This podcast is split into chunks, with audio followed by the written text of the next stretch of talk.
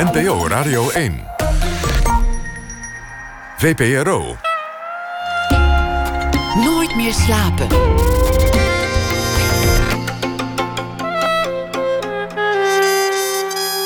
Met Pieter van der Wielen. Goedenacht en welkom bij Nooit meer slapen. Rapper Sef komt op bezoek. Hij uh, had ooit een hele grote hit met De Leven. Sindsdien is hij een gevestigd artiest in de Nederlandse rapmuziek. En er is een lang verwacht nieuw album. Excusez-moi. Na ene hoort u hem. Dan hoort u ook schrijver Abdelkader Benali en Erik Jan Harmens, want die schrijft een verhaal voor ons over de afgelopen dag. Te beginnen komen we uur met Herman Koch. Deze week is het Boekenweek. En de eer om het Boekenweek te schrijven, die is aan hem gegeven. Meer dan 600.000 eh, exemplaren worden daarvan uitgedeeld. Het boek heet Makkelijk Leven. Over een succesvol schrijver van zelfhulpboeken die zijn hoofd stoot aan de morele grenzen. Verboden vruchten is het thema van de Boekenweek. Herman Koch, geboren in 1953, is Nederlands beroemdste levende schrijver. Vooral dat levende is uh, belangrijk. En wereldwijd werd hij bestseller-auteur sinds het boek Het Diner. Drie keer verfilmd alweer.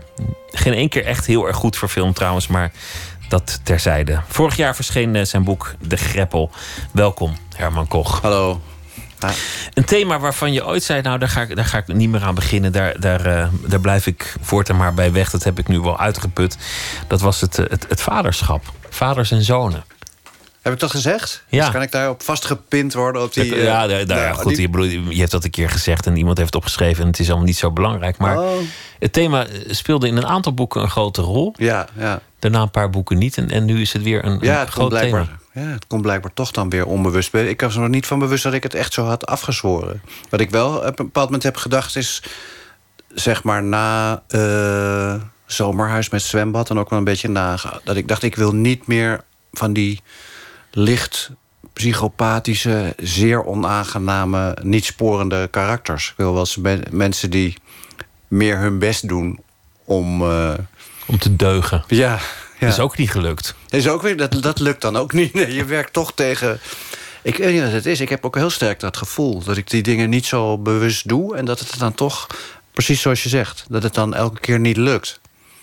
Hoe begint het, zo'n boek? In dit geval was het ook nog een duidelijke opdracht... met een duidelijke deadline. Dus, dus dan, dan moet er een boek komen. Wat, wat, is het eerste moment dat het gaat gloren? Um, nou, het is eigenlijk zo gegaan dat ik... Uh, ik werd eind maart uh, vorig jaar daarvoor gevraagd. En toen dacht ik, oh ja, belangrijk. En de, en de deadline was uh, half oktober. En op dat moment dacht ik, oh ja, nou, het belangrijkste is nu iets bedenken. Want ik werd er wel door overvallen. En ik had, uh, de greppel had ik toen net af. Moest nog wel wat aan gebeuren. en toen was ik opeens heel blij. Toen had ik drie dagen daarna had ik een, zeg maar, geniale ingeving. Toen ben ik daar meteen aan begonnen aan die, aan die ingeving. En toen na een week, gelukkig al na een week, dacht ik: wacht eens even. Dit is uh, iets voor een veel groter boek. Dit gaat nooit in die 95 pagina's. Dus toen moest ik weer opnieuw beginnen. Dus dat heb ik dus geparkeerd. Die ligt nog ergens. Die, daar ben ik nu aan bezig. Dat wordt het echte boek. Ben ik aan verder gegaan. Uh, en toen uh, had ik gelukkig... Ik had wel wat uh, reizen in die tijd, die waren al gepland. Ik wil niet zeggen dat ik ze niet had gepland als ik had geweten dat ik Boekenweek ge geschenkt moest schrijven. Maar eigenlijk zat de hele maand april en mei zat bijna vol met allemaal verre reizen en zo. Uh, en toen dacht ik, nou, dat is ook wel een goed moment om in, die, in al die lange afstandsvluchten daar eens goed over na te denken wat het nou gaat worden. Dus toen heb ik ergens pas eind april heb ik dit idee kwam. Uh... Wat, is een, wat is een idee bij jou? Hoe ziet zo'n idee eruit? Is dat een, een, een personage of een plot? Uh, of een omstandigheid? Meestal, meestal, is het toch wel een zin. Dus toen ik eenmaal de oh. zin had dat ik met dat aplomb waarmee nu dat boek begint... ik schrijf zelf hulpboeken, dacht ik, vond ik al zo vond ik zo'n fijne zin. Dat ik dacht, daar kan vast een heel boek achteraan. Dat denk ik toch wel dat het zo gegaan is. Het is moeilijk om te... Natuurlijk zal ik wel iets bedacht hebben. Dat ik dacht dat het aardig is om een, een zelfhulpboekenschrijver... zelf aan het woord te laten. Maar wat hij nou precies ging doen... dat wist ik nog niet toen hij de eerste zin uh, opschreef. Heb je je ook verdiept in, in uh, de, de zelfhulpwereld? Ben je, naar de bibliotheek gegaan om er, om er uh, 30 te lezen? Nee, maar ik heb, wel, ik heb er wel uh, twee uh, gekocht. Met het idee om als research, hè, en het bonnetje goed bewaard. vanwege gemaakte kosten. Nee, flauw. Maar. Um, en ik heb ze nog steeds niet gelezen. Dus ik, had ze, ik had ze wel in huis, dus ze lagen er met het idee van dat kan. Maar er was, het is dan zoals het wel vaker gaat als je helemaal met een, met een boek begint en met een bepaald thema. Opeens viel mij op, eh, zoals iemand anders dat misschien niet opvalt, hoeveel in media, in allerlei kranten en tijdschriften er zelf veel boeken worden besproken en er interviews heel uitgebreid soms ook zijn met uh, deze schrijvers. Dus ik hoefde die boeken ook eigenlijk niet meer te lezen. Want er was elke keer was er, een, keer was er een hele Volkskrant magazine bijlage... met wel vijf zelfhulpboekenschrijvers... die daar met al hun verschillende tips en voor... En toen dacht ik, dit is eigenlijk wel genoeg research. Ik hoef niet zo'n heel boek door te worstelen. Want dat is volgens mij het grote probleem van die boeken. En als je, zo je personage zegt dat ook. Hè? Eigenlijk kun je de, de strekking in een half A4'tje samenvatten. Ja, meestal is dat ook echt zo. Ja. En om, die, om de boodschap er goed in te rammen... maak je er dan 250 bladzijden van. Ja, ja je hebt toch je hebt iets... Zo'n man of vrouw heeft iets bedacht. Op zich moet ik ook zeggen... Het is ook niet allemaal onzin. Het is niet allemaal kwakzalverij. Er zitten gewoon best goede ideeën in. Eh, een paar of drie of vier. Maar toch zo de essentie van hem, wat die, dat is die ik gekocht had. Nooit, nooit meer druk of nooit meer te druk. Van die Tony Crapper heet hij volgens mij, Engelsman. Is toch de essentie van. Uh, die is ook wel weer samen te vatten in vijf punten of zo. En van die dingen die je ook wel zelf kan bedenken. Begin nou vooral niet ochtends met je e-mails te beantwoorden, zegt hij dan. En dan denk ik, ja, maar dat doe ik al jaren niet. De anekdote over die man was dat, dat, hij, dat hij een interview had afgezegd met een, uh, met een befaamd journalist, omdat hij, dat hij het gewoon te druk had. Oh ja. dat vond, vond oh, is dat zo? Ja, nou, dat vond ik wel geestig. Hij had ja. een, eh, zoveel dingen op zijn pad gekomen sinds hij dat boek had geschreven, dat uh, mm. hij kon er niet meer bij hebben. Ja, dat, ja, dat vind ik wel heel grappig, mm. natuurlijk. Ja. Jouw personages zijn, zijn eigenlijk altijd heel interessant, omdat ze ergernis wekken. Dat je van ze gaat houden, omdat je ze gaat begrijpen, maar vooral ook omdat ze je irriteren. Wat, wat is bij jou het vertrekpunt als je een personage creëert? Um, toch wel, denk ik. Uh, ook wel weer die, de, de stem of de toon die die heeft. Die zit bij dit boek dus dat maakt ook meteen het karakter. Ik, het vertrekpunt is bij mij niet uh, hoe iemand eruit ziet. Wat voor kleur haar die heeft, verre van dat. Of zelfs niet hoe oud die is. Of waar die woont of wat hij eet, dat maakt allemaal nog niet uit. Nee, precies. Al die details maakt niks uit. Maar als iemand zegt, ik schrijf zelf hulpboeken... en de, tweede zin is, ik denk dat u mij wel kent... en daarna zegt van mijn uh, succesvolste boek... Makkelijk leven zijn wereldwijd... inmiddels 40 miljoen exemplaren verkocht... dan heb je iemand die komt binnen met een toon van... nou, mij verkoop je geen flauwekul meer. Weet je? Ik, ben, ik ben wie ik ben en uh, zelf ingenomen zou je kunnen zeggen. Dat is dan al het eerste irritante trekje. Uh, en dan als ik eenmaal zo'n... als ik een pagina heb... dan zoals hij ook op de eerste pagina spreekt... Die, geeft hij een voorbeeld van hoe hij zijn vrouw toespreekt. Dat hij zegt dat er vanavond weer niet uit eten kunnen... omdat zij waarschijnlijk toch waarschijnlijk niet weet dat er Champions League voetbal is. Dan wordt er is eigenlijk in misschien al drie of vier alinea's is, staat al 60% van het karakter wel vast. Namelijk iemand die blij is met zichzelf. Maar een, een zelf ingenomen. Ja, zeker. Ja, ja, ook wel. Ik vind kwal wel iets te ver. Maar het is, het is een, hij roept irritatie op. Dat is ook precies het probleem, volgens mij, van mijn boeken. Dat er uh, uh, mensen vinden dat prettig om zo iemand te volgen. En er zijn ook mensen die dat niet zo vinden. Die denken, wat zijn het eigenlijk vervelende, nare uh, gasten zijn dat. En bij mij zelf ligt dat anders. Want ik heb, hoe irritant ze ook, ook vind, ga ik toch met ze mee. En heb ik toch een, uh, kruip ik erin en heb ik een soort sympathie voor ze. Maar dat komt niet altijd over, blijkt wel. Waar zit die sympathie hem dan in? Want je, want je vertrekpunt is een beetje dat je iemand een kwal vindt. Je vindt hem zelf ingenomen. Ja. Je, je dicht daar trekjes aan toe die je misschien ook bij, bij werkelijk bestaande figuren soms waarneemt. Ja. Maar, maar je, je keert je niet helemaal van ze af. Nee, ik denk dat het een beetje bij zo'n figuur ook wel... ik wil niet zeggen, een, nee, geen uitvergroting... maar een soort... en ook niet helemaal een schrikbeeld... maar ik probeer me voor te stellen...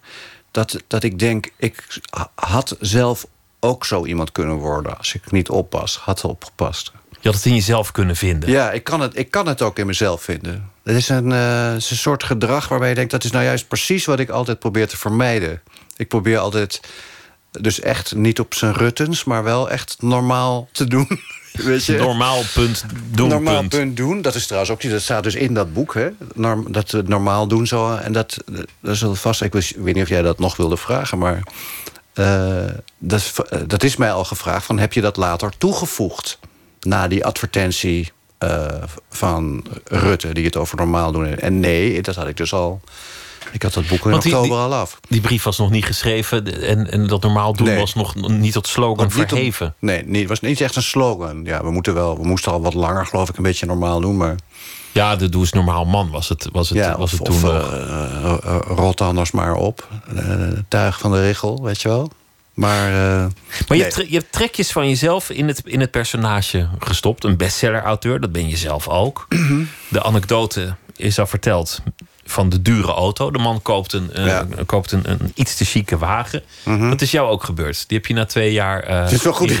Dat is jou ook gebeurd. Nee, dat heb ik ook gedaan. Dat heb je ook gedaan. Ja, ja, nou ja. In zekere zin gebeurt je dat, vind ik. Ja. Nee, dat is waar. De, de verleiding die komt op je pad en je, je, je gehoorzaamt. Ja. En ineens rij je in zo'n, in zo'n te dikke auto en denk, mm, dit ben ik helemaal niet. Dit ben ik niet. Nee, hier ben ik, nu schiet ik een beetje door. Ja. Dus uh, ik denk dat daarin mijn uh, sympathie en mijn fascinatie zit. Dus niet alleen in zo'n eigenlijk een beetje oppervlakkig ding als zo'n uh, auto.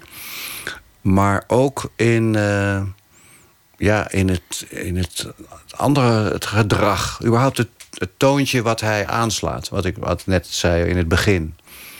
Dat denk ik, ja, zo zou ik toch, moet ik toch zelf moet ik oppassen dat ik niet zo word. Of moet ik niet oppassen, ik word gewoon zo niet. Maar het had gekund. Als ik bijvoorbeeld, uh, misschien als ik wel als ik jonger was geweest, of als ik uh, meer uh, middelen had gebruikt, weet ik veel. Ja, ik, had, ik had ook een beetje, misschien een beetje wonderlijk kunnen worden. Als ik, wat, oh, ik ben op een bepaalde leeftijd, is dat succes gebeurd, mij gebeurd, waardoor ik denk ik daar evenwichtiger in sta. Nou, je bent, je bent nu, uh, wat is het, uh, de, de 60 gepasseerd. Ja. Dus de, de, dan, dan hoef je niet meer bang te zijn voor dat soort dingen, want dan weet je wel hoe het zit, toch? Ja, dat is het een beetje. Je weet nu wel ja. wie, wie je bent. Ben, ben je een misantroop? Nee, helemaal niet. Nee? Nee, dat geloof ik niet. Want, want de basis van veel van je personages is toch een soort ergernis. Een bepaald soort types waarvan ik me kan voorstellen dat ze bestaan. Sterker nog, ik weet dat ze Hm. bestaan. Ja. Die, die, die, je, die je ontleedt op papier. Ja. Maar de basis is niet ergernis. Om, maar dat, je bedoelt dan dat ik me zou ergeren Aan, aan... mensen die je ziet. Aan, aan, aan obers, aan ouders, aan eh, coaches, aan eh, nou ja, noem maar op, burgemeesters, aan dokters, aan alles wat Nee. in de loop der jaren in je boeken de revue is gepasseerd. Nee, volgens mij niet. Want ik, het is meer zo. eh, omdat je nou inderdaad het voorbeeld noemt van de, de burgemeester en de, en, de, en de dokter. Het is meer zo, weer opnieuw, dat ik eerder in dat personage kruip en kijk hoe zo iemand misschien wel naar de wereld kijkt. Hoewel ik dat niet kan weten. Dan dat ik probeer bijvoorbeeld een, iets satirisch te beweren over die personages zelf. Dus ik denk meer. eh, bij een burgemeester van Amsterdam denk ik dus niet in welke mate lijkt hij op, op mij of op Job Cohen of op Eberhard van der Laan. Maar ik denk, ik, heb, ik zie op de televisie Eberhard van der Laan met Obama en met Rutte en Wim Pijbus voor de nachtwacht. En dan denk ik, hoe, hoe voel je je daarin als, als intelligente burgemeester? Zou je dan niet willen, tegen die Obama willen zeggen... ja, kom, maar met mij een glaasje drinken... want bij die, bij die andere is het wat, is het, komt, komt minder uit, weet je wel? Het is, het is meer de, het gevoel van... En, en, en, en hetzelfde met in, dat, in het boek in de greppel... met de leden van het Koninklijk Huis... dat je denkt, die, die burgemeester... Er, was, er stond niet eens zo lang nadat dat boek uitkwam... stond er een foto van Van der Laan en uh, Willem-Alexander in een Amsterdamse metro. Ik weet niet of je die gezien hebt. Die stonden toen samen en de, de een keek naar de, naar de grond... en de ander keek naar buiten. En het was zo duidelijk te zien... want die hebben elkaar op dit moment niets meer te vertellen. En dan denk ik eerder dat, er, dat het ook nog van één kant komt... dat niets meer kunnen vertellen. Je probeert je te verplaatsen in zo'n situatie die, die het midden houdt tussen tussen gêne of, en aan de andere kant ook een soort trots. Je staat daar maar. Wat, wat, die Pijbus deed, dat was natuurlijk kinderlijk, bijna ontwapenend, maar ook verschrikkelijk ijdel. Namelijk een selfie nemen met, met Barack Obama. Ja, en, en, en, en, en, de, en de nachtwacht als een sluikreclamebord uh, achter een Amerikaanse president plaatsen. Dat is eigenlijk het voornaamste wat hij gedaan heeft. Dat zou jij nooit gedaan hebben? Nee, nou ja, ik vind dat soort handigheidjes... Ja, het, het mag van mij. En het is, het is, ik, wil, ik wil ook niet uh, de Wim Pijbers daarop kritiseren. Ik kan me voorstellen als je een museum hebt... dat je denkt, nou, dit gaan we doen. Maar dat is heel goed. Dat zet het museum nog meer op de kaart.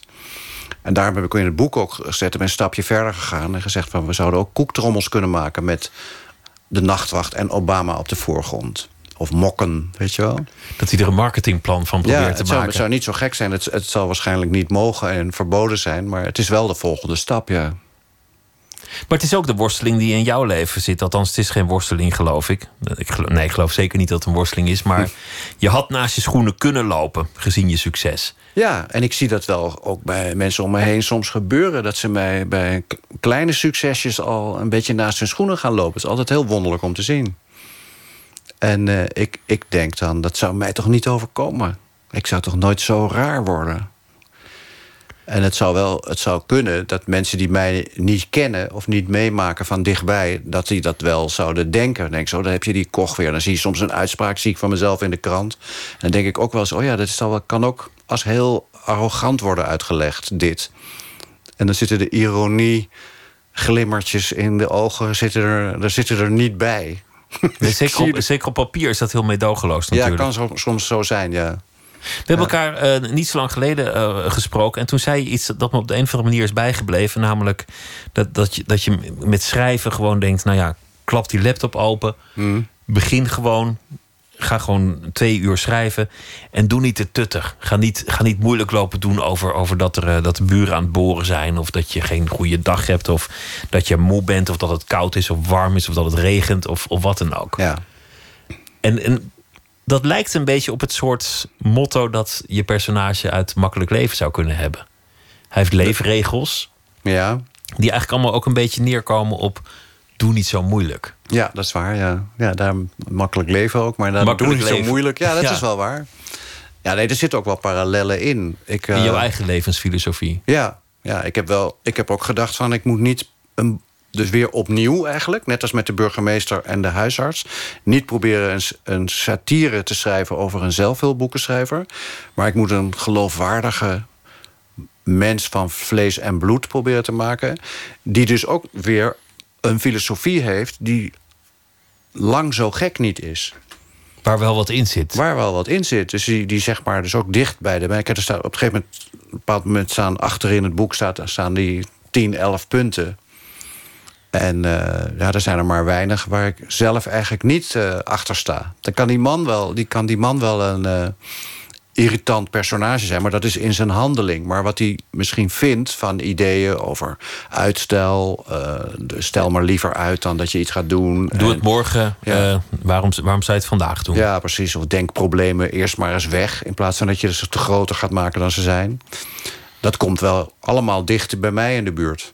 Het was wel aardig. Ik heb een, uh, in rond de, tijd van de... Nou ja, in november ook een interview gegeven aan de Belgische kranten Standaard. Die hebben in hun magazine zo'n format standaard interview. Namelijk de tien wijsheden van en dan een, een persoon.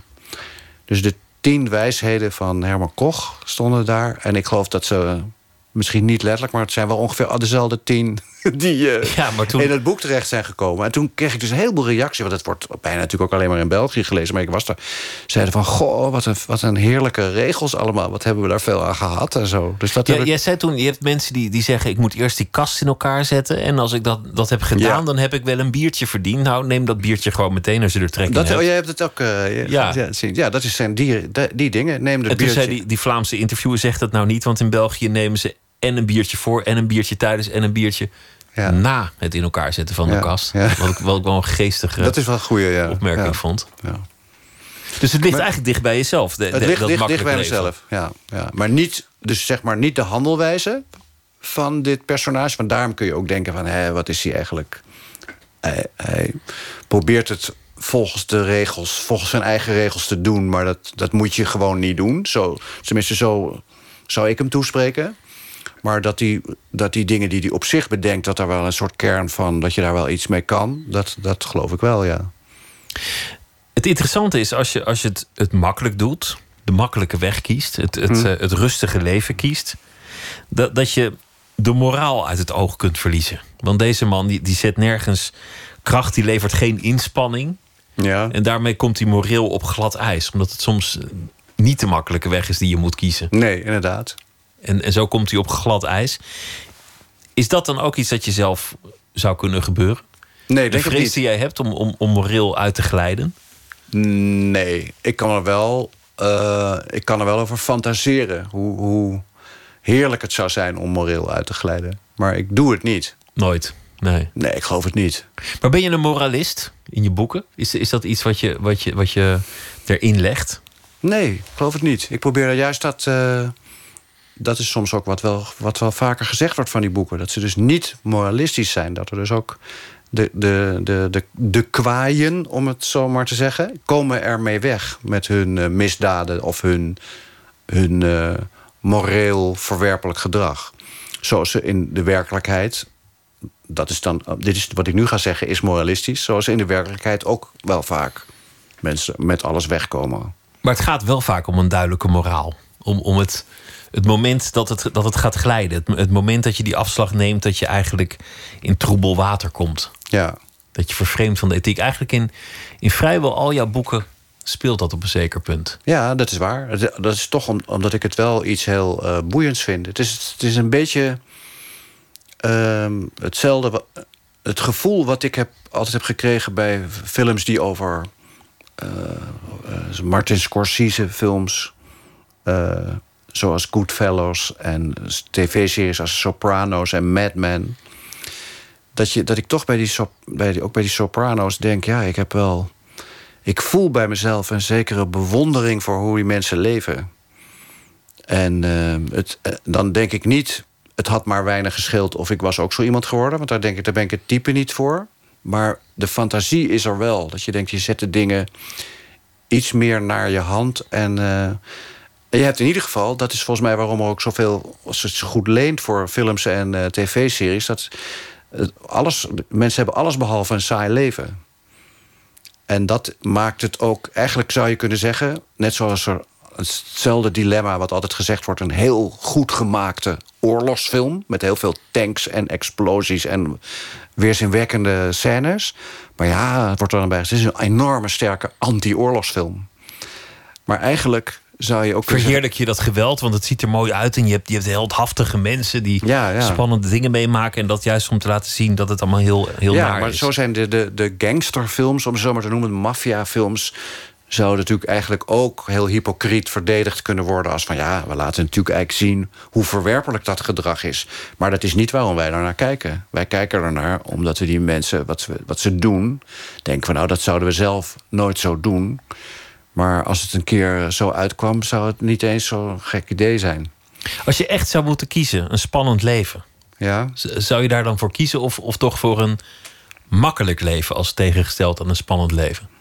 Ehm, ik moet zelf zeggen dat ik door, door, de, door de jaren wel heb begrepen dat je om te schrijven geen spannend leven moet hebben. Dat leidt alleen maar af. Dat Ja. is de keuze die je maakt. Ja, echt waar. Dat geloof ik wel. Een soort bepaalde rust en gelijkmatigheid is daarbij wel belangrijk. Maar dat neemt niet weg dat ik dat je wel eens denkt, zeker als je nog jonger bent of zo, dat je denkt, ja, ik had ook wel, had ook wel spannende dingen kunnen gaan doen. Maar het zit er gewoon niet in. Nou, de rebellie zit er wel in. Die zit er wel in, ja. De tegendraadsheid. Ja, nee, dat is waar. Dat, dat, Ja. dat, als, ik weet niet of dat helemaal een tegenstelling is, maar, maar misschien in bepaalde opzichten iemand die kiest voor een rustig en geordend leven, Mhm, ja. maar wel uit de band wil springen, al was het maar uit dwarsheid. Jawel, zeker. En dan ook, ook zeker op, op papier in die boeken. Dus een soort. Ik, ik voer toch wel een soort permanente strijd tegen politieke correctheid, bijvoorbeeld. Te, al te politieke correctheid. Dat is leuk om mee te spelen voor een schrijver. Ja, dat, is het ook. Ja, maar het is het, eh, om je daarmee, om je daar, uh, om dat goed voor het voetlicht te brengen. Dat zijn toch van die dingen uh, die ik opschrijf, waarbij ik denk. Ehm, durf ik dit te denken of durf ik dit te zeggen? En als het, me, als het dan goed lukt, kan dat betekenen dat het voor anderen ook opeens een eye-opener is. Kunnen denken, oh, als in dit boek of door deze schrijver dit zo wordt gezegd of beweerd. Sorry, dan kan dat ook ehm, voor mij persoonlijk iets betekenen. Denk van, god, dat is ook vaak reacties die ik krijg van mensen. Dus aan de ene kant zijn er reacties van mensen die zeggen van ja, het zijn allemaal een beetje antipathieke bijna... Het zijn een beetje antipathieke, nare mensen. En andere reacties, die krijg ik veel meer, moet ik zeggen. Mensen zeggen van... goh, ik heb dat eigenlijk altijd zo, ook zelf zo gedacht... dat het eigenlijk zo was. En doordat ik bij jou dat gelezen heb... durf ik dat nu ook gewoon echt te denken. In die zin heb je als schrijver de vrijheid. Maar, maar ik vind ook wat je daarvoor zei interessant... namelijk dat je je tegendraadsheid nu gekanaliseerd is door het schrijven. Je hoeft geen streken meer uit te halen om, om, omdat, je, omdat je die dwarsheid kwijt kan op papier. Ehm, ja, en welke. Sorry, ik heb net ook een griepje achter de rug. Het is een beetje. Het wordt een hele lange live hoestbui. En je, uh, je, hebt ook een lange dag vandaag. Want je, want je ja, was, was ook nog zo. was vanochtend al voor dag en dauw op, uh, op een popzender uh, ja, te horen. Ja, dus ik heb zo'n heel rondje gedaan van allemaal radiozenders. Ja. Nee, maar goed, om, om even op te, uh, wat je zei. Uh, dat klopt wel, maar ik heb ook niet het idee dat ik nou... zelfs niet toen ik 17 was of zo... zulke ergens streken heb uitgehaald. Ik heb toch ook nooit, nooit zo'n zo'n leven geleid. Ook toen niet? Nee, nee. Ik ben wel, weet ik veel, ik heb allerlei... Oh, ik ben op reis gegaan. Ik ben dingen gaan... Ik ben, ik ben een tijd op een boerderij in Finland gewerkt en zo. En daar zeiden mensen dan wel van, vrienden van mij... zeiden van, goh, en is dat dan niet eenzaam? En is dat dan niet ver weg en zo?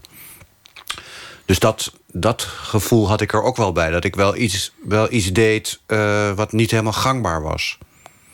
Maar ik, ik, bedoelde eigenlijk meer eh, in, in de kroeg als, als jongeman... Dat je, dat je altijd wel de, de, de grappen uithaalde.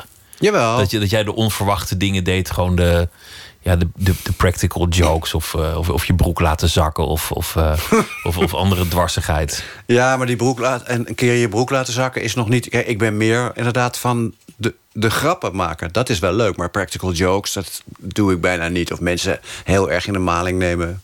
Nee, nee dat is niet mijn stijl toch niet het voornaamste. We gaan luisteren naar uh, Jessica Hoep, een uh, singer-songwriter uit Californië. En het nummer heet Pegasi.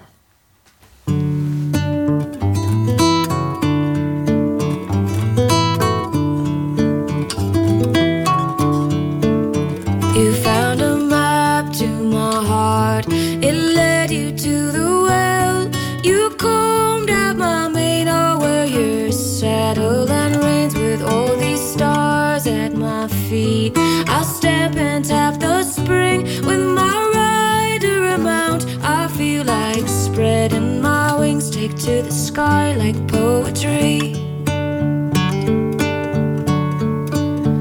When we're in love, we're alive. You're the envy of the sky. Every ember wants to ride the supernova. But I fear you'll see the day when I've endured all I can take. I won't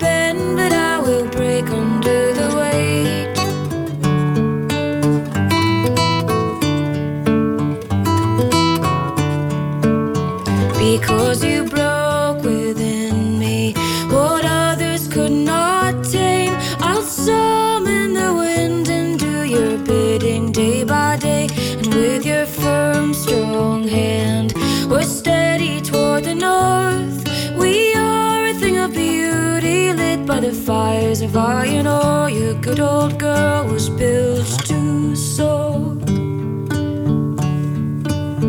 When we're in love, we're alive.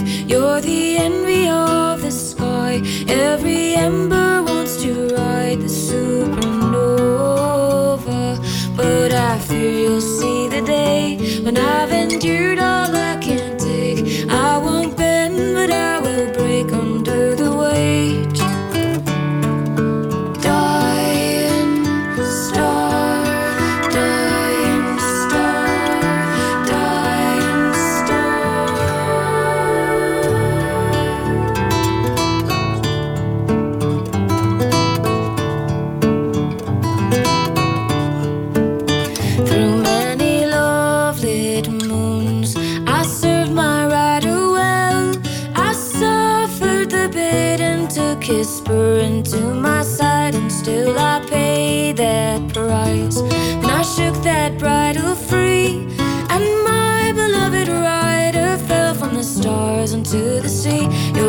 the earth,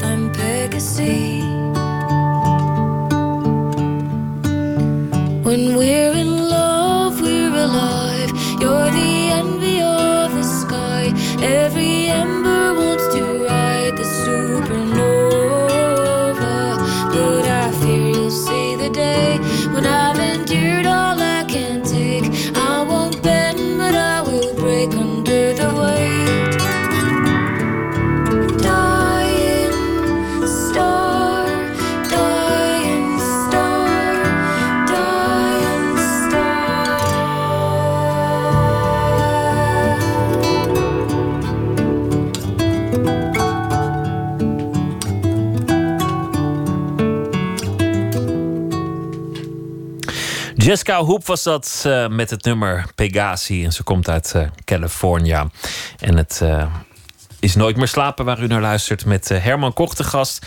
Hij is de schrijver van het Boekenweekgeschenk dit jaar. Makkelijk leven. Gaat over een, een goeroe, een schrijver van zelfhulpboeken... die zelf volledig vastloopt. We gaan het plot niet verraden, maar verboden vruchten is het thema van deze Boekenweek. En nou ja, daar, daar zal hij zich aan eh, bezondigen, kan ik u vast eh, verzekeren. We, we hebben elkaar niet zo lang geleden gesproken. En, en toen hebben we het gehad over je eigen jeugd. Dat je, dat, je, dat, dat je al heel vroeg zelfstandig werd. Je ouders die vielen weg. En ja, zo trok jij de wereld in. Je moest het allemaal zelf doen. Je hebt, je hebt zo geleerd om je eigen pad eh, te vinden. Het thema waar we het nog niet over hebben gehad... en wat in, in je boek ook een rol speelt, is het vaderschap. Ja. En dat vind ik interessant. Want, want het komt in een aantal van jouw boeken terug. Mhm. En, en, en het, hoe weinig moraal jouw, jouw personages ook hebben... Mhm. Ehm, met name in het diner, gaan ze toch uiteindelijk vol voor hun kind. Dat komt op de eerste plaats. Ja. Ze nemen het op voor die kinderen, ook als dat eigenlijk niet meer zou moeten. Ja. Dat, dat vind ik een, een mooi thema, een mooi moreel dilemma. Ja, dat is een beetje toch ook wel. eh, eh, om even nog bij die soprano's te blijven, dat is ook wat je daar ook ziet. Dus ik heb soms, ik heb weten eh, dat je dat dus iemand wel eh, erge dingen doet en eh, kinderen soms ook wel, maar dat de liefde voor dat beschermen van het gezin, dat staat op de eerste plaats. Ik heb wel eens bij het diner me onbewust, eh, nee, niet eens onbewust, eigenlijk me wel bewust voorgenomen dat ik dacht, als het nou, zonder dat ik dat ooit opschrijf, me voorneem, dat is, dit is een Siciliaanse familie in Amsterdam, in de Watergasmeer. En die hebben dus als opvatting nooit een psycholoog, eh, nooit een politie erbij, geen maatschappelijk werkers. En alles wat er hier aan vuile was, is, blijft natuurlijk binnen het gezin. Een, een Amsterdamse chique omerta, zeg maar. Ja, ja. En dat is een beetje, dat is toch ook wel.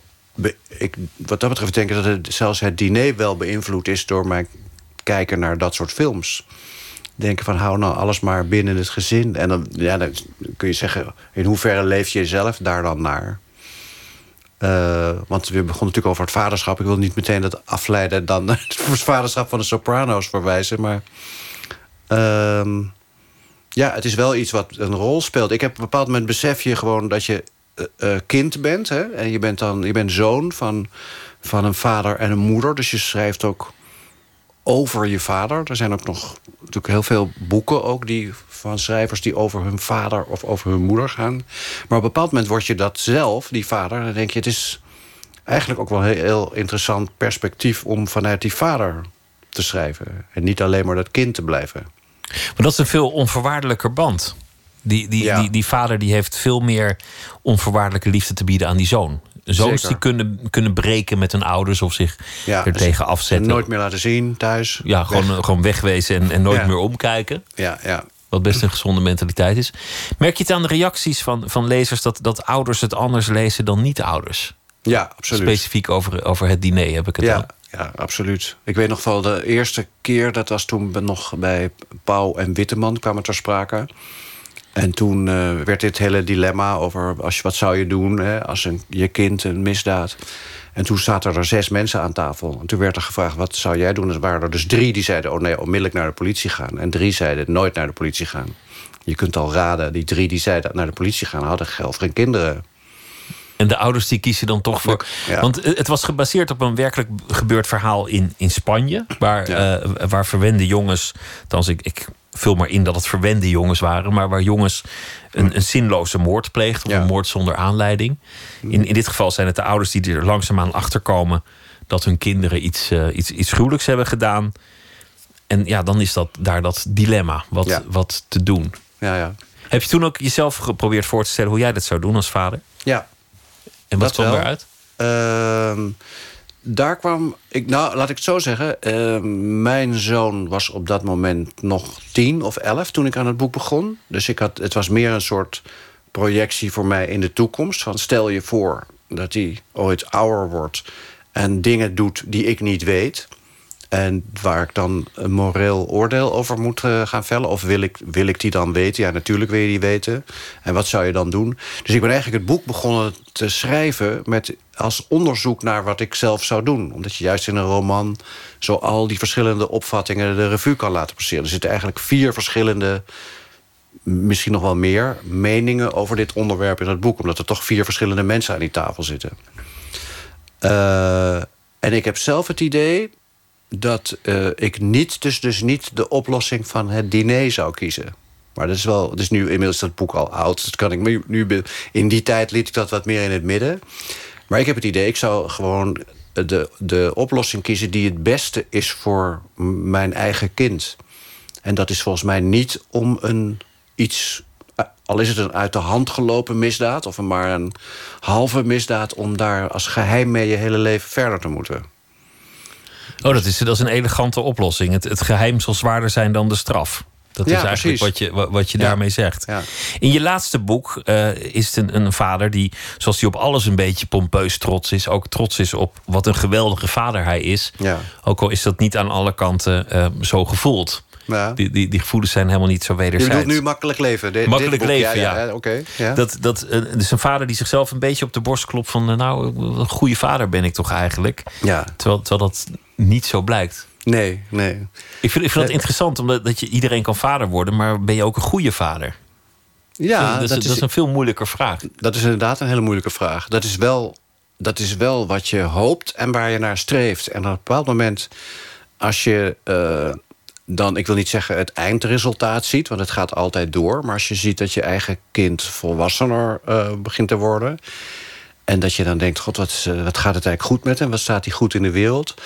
Dat je dan niet helemaal eh, jezelf op de borst kunt kloppen van... wat hebben we dat dan goed gedaan? Hè? Vader en moeder samen. Maar ook een beetje wel. Ik kan ook wel denken van... nou, we hebben in ieder geval niet iets gedaan... waardoor hij eh, of zij ehm, gefrustreerd is geraakt... of onzeker of eh, juist te onattent is... of juist te veel zelfvertrouwen... of ook weer arrogant is geworden. Als je denkt, nou kijk... Je kijkt naar je eigen kind en je denkt, wat staat die goed, wat staat die goed in het leven?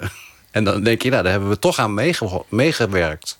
Toch Hoe aan hoe oud is jouw, zoon is nu 24? 22. 22. Ja. En ehm, in, de, in datzelfde interview in de Standaard zei ik... ik nodig hem niet uit om, om morgen of, of volgende week te komen eten... Want je, want je weet zelf hoe het is. Op die leeftijd moet je per dag leven. Zij moet maar gewoon langskomen als hij zin heeft om te eten. Ja, zo gebeurt het ook. Hij komt langs. En, eh, en eh, het is niet helemaal waar, want hij komt, ook, hij komt best vaak langs. En, eh, en als we bijvoorbeeld uit eten gaan, dan spreken we dat gewoon af. En ook wel een dag van tevoren. Dat is wat anders. Maar het is inderdaad waar dat het, het, het, het hele omgaan met, met je ouders moet nooit een verplichting zijn. Het moet zijn omdat je dat leuk vindt. Vriendschappelijk ook? Of, of is het toch iets anders? Het is, het is eh, naarmate je, je kind, of zeg naarmate mijn zoon, als iemand ouder wordt, is, is de vriendschappelijke kant gewoon groter, omdat de hele opvoedkundige kant is eigenlijk wel klaar.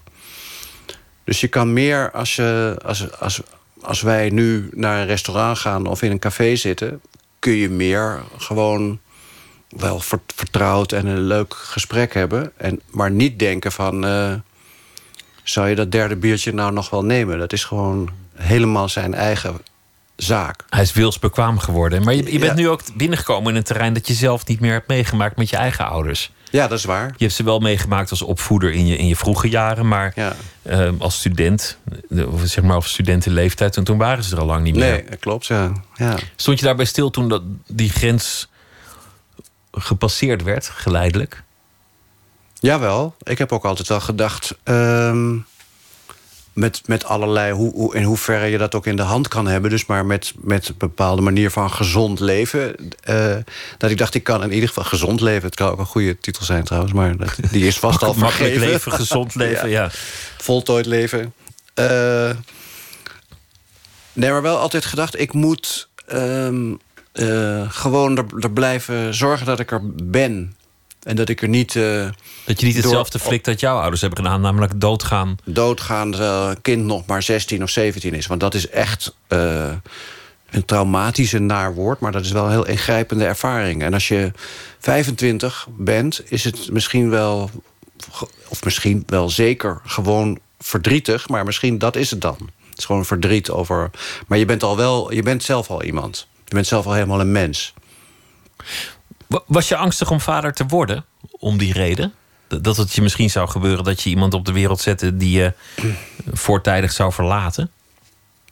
Ehm, ja, maar die, die angst gaat in de eerste plaats uit naar. Dat is natuurlijk eigenlijk bijna een egoïstische angst. Dat je denkt, ik hoop dat je kind niks overkomt. Dat is van het moment dat een kind geboren is, is dat je allereerste gedachte. En daarna is het ook van. eh, dat heeft maar heel kort geduurd bij mij. Ik dacht, nu ga ik ook stoppen met roken. Ik ga andere dingen voorzichtiger doen. Ik ga geen nieuwe motorfiets meer kopen. Het zijn allemaal van die beslissingen waardoor, waardoor je. Maar of, dat, of je dat. Ja, een angst is dat wel. Maar het, het lastige daarvan is dat het eigenlijk geen angst kan zijn. Want st- stel dat het je overkomt, dan is het toch al te laat. Dan merk, maak, je maakt dat zelf niet meer mee. Dat je een kind dat aan zou doen, dat je er niet meer bent. Dus, dus je kan alleen heel, maar. een heel neurotische angst, omdat je er uiteindelijk weinig greep op Je hebt. kan je hebt er, daar heb je echt weinig greep op. Je hebt op al, of meer dingen wel weinig greep, maar... Nee, ik vind het, eh, en het, het... Het blijft iets kwetsbaars, maar je wil een, vooral een kind van, eh van 9 of van 10, maar ook van 16... wil je niet eh, alleen op de wereld achterlaten. En dan denk ik, heb ik nog, dan denk ik nog ah, zo, want eh, eh, zo belangrijk vind ik mezelf ook niet. Dan denk ik wel van, nou ja, maar dat zou die nog wel, dat zou wel een shock zijn. Maar als die zolang hij zijn moeder nog heeft, valt het nog allemaal nog wel te overzien. En dan is er nog die vraag: ben ik een leuke vader? Heb ik het goed gedaan? Kan ik, kan ik trots zijn op mijn, op mijn vaderschap? Ja. Leest jouw zoon jouw boeken? Hij is eigenlijk pas eh, begonnen in de eindexamenklas. Toen had een docent tegen hem gezegd van... je zou die zomerhuis met zwembad wel eens kunnen lezen. Had hem dat aangeraden. En daarvoor had hij ze nooit gelezen. En eh, nou, toen is hij begonnen. Toen is hij, er, is hij de opvolger ook gaan lezen. En vanaf dat moment, vanaf de greppel... heb ik ook aan hem gevraagd of hij ze wou lezen voordat ze uitkwamen. Om het om het, en dat vond hij ook een, eh, eh, een leuk idee. Om ze gewoon als eerste te lezen. Dus dan hoor je bij, dat, bij een beetje dat groepje van... eh, De één redacteur vanuit mensen. de uitgever en een, misschien een bevriende schrijver Ja, en, en dan, ja. dan je zoon. Ja, ja, vind ik ook. Ik vond dat, Dat is wel vind het wel bijzonder. Ja, ik ga, vanaf nu eh, ga ik dat, dan wil ik dat altijd doen. Vind je het belangrijk of hij je, je boeken goed vindt? Ja, zeker. Ja. Het is, eh, het is niet eens zozeer... Hij, ik merk wel, hij zegt, het, het is, hij vindt ze wel goed. Hij heeft soms wel een paar dingen van kritiek. Het, het leuke is ook om te, te horen als hij zegt van... ja, ik zie wel wat je aan het doen bent. Wat je aan het doen bent. Wat je aan het doen bent. Hij doorziet gewoon welke dingen ik uit ons eigen leven eh, gebruik. Voor in een boek, wat andere mensen natuurlijk nooit kunnen zien op die manier. Op die manier begrijpt hij wat je, wat je aan het doen bent. Ja, ja, ja. Maar ik vind het interessant dat je, dat je het belangrijk vindt dat, dat hij je, je, je boeken goed vindt. Ja, maar ik had aan de andere kant, als hij nooit uit zichzelf begonnen was, had ik ook nooit gezegd van, ah, alsjeblieft, ga je nou eens die boeken van mij lezen. Want je hoeft geen erkenning van je zoon, dat is het ook weer niet. Nee, helemaal niet. Nee, ik zou, dat- ik zou het, eh, eh, het laatste wat ik zou doen is hem dat opdringen. Of hem verwijten als, hij- als hij ze niet zou willen lezen. Dan zou ik nooit zeggen, ah, alsjeblieft, ga nou eens het diner lezen. Want dat heeft hij volgens mij ook nooit gelezen. Diner. Dat zal vast nog wel een keer uh, nou, gebeuren. Dat is, dat, is, dat is bijna, dat heeft hij ook wel eens een keer zo tegen me gezegd. Dat is bijna te bekend, dat verhaal. En dan heb je al een keer een film, verfilming ervan gezien. Dan heb je denken, nou, dat boek heb ik niet meer nu nog zo'n zin. Maar misschien ooit. Over tien jaar of zo, ja. Nou, sterker nog, het, het boek is drie keer verfilmd inmiddels. Ja. Eén keer in Nederland, één keer in Italië en één keer uh, door Hollywood.